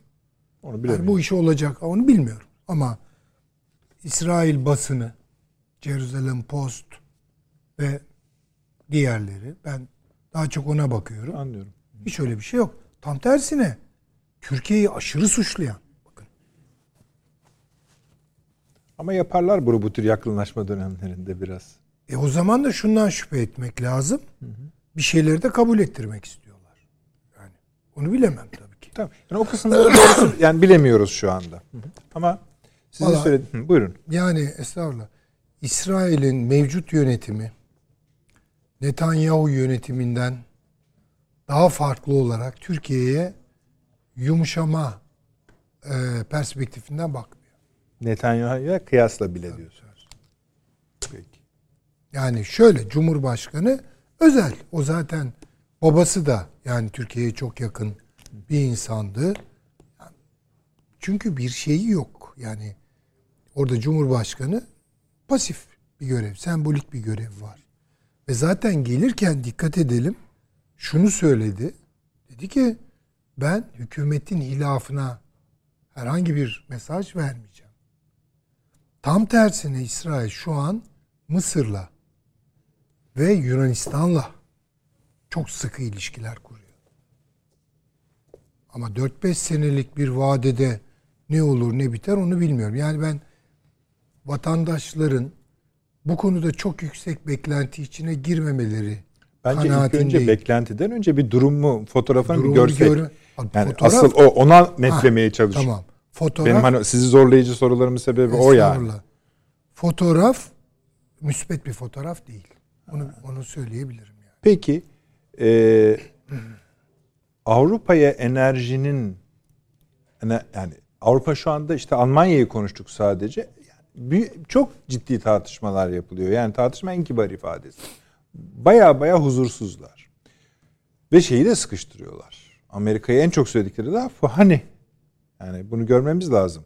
Yani iktidar götürür o konu. Yani bir ay e, kaloriferler yanmasın, onu da geçin, sanayi çalışmasın. O, o hangi ülke olursa olsun Avrupa'da hükümet gider. Bunun ulaşması gerekiyorsa bir. iki Akdeniz Havzası'nın bir enerji verimi olacaksa ve bu Türkiye üzerinden olacaksa. Üç, İran hattından, Kuzey Irak'tan, şuradan bir yerden onlar da bağlanacaksa, hatta hatta bunun Kıbrıs'tır sair konulara müspet etkileri olacaksa, kim bilir daha da yukarı çıkıp Azerbaycan'dan Avrupa'ya, şuraya buraya gidecek hatlar vesaire gibi. Türkiye gibi bir ülke e, hani buna ne diyelim sevmez mi bunu? Evet, çok güzel bir soru oldu bu. Yani söylediklerim biraz daha belki ayakları yere basar hale getirecek. Şimdi başından beri ilk doktrin açıklaması yapıldığı günden beri küresel Britanya değil mi? Hep dönüp dönüp bir yerde Türk Türkiye Britanya ilişkilerine hep baktık. Şimdi bu ilişkiler oldukça iyi gidiyor tırnak içinde. İyi gidiyor derken paralel yol alıyoruz. Evet. En azından İngiltere, Almanya gibi, Fransa gibi karşımıza böyle işte e, sorunlu ilişkiler doğuracak adımlarla çıkmıyor. Benim anlayabildiğim kadarıyla İngiltere ama ile Amerika Birleşik Devletleri arasındaki en büyük problem alanlarından biri İran. Amerika Birleşik Devletleri İran'la işte bir çeşit anlaşma vesaire bunu kafasına takmış. Biden ve ekibi. İngiltere ise bunu onaylamıyor. Daha çok Türkiye üzerinde duruyor. Ha bu kendi aralarında bir iş bölümüyse onu da bakın bilemem. Sen biraz Türkiye, ben biraz İran. İngiltere'nin yaklaşımı şu. Avrupa'nın petrol ihtiyacını Avrupa'yı İngiltere'ye mecbur bırakacak şekilde yeniden tanzim etmek. Bu işin içinde bir pi var. Şimdi bu son Erbil'e gönderilen füzeler, akabinde Türkiye'nin operasyonu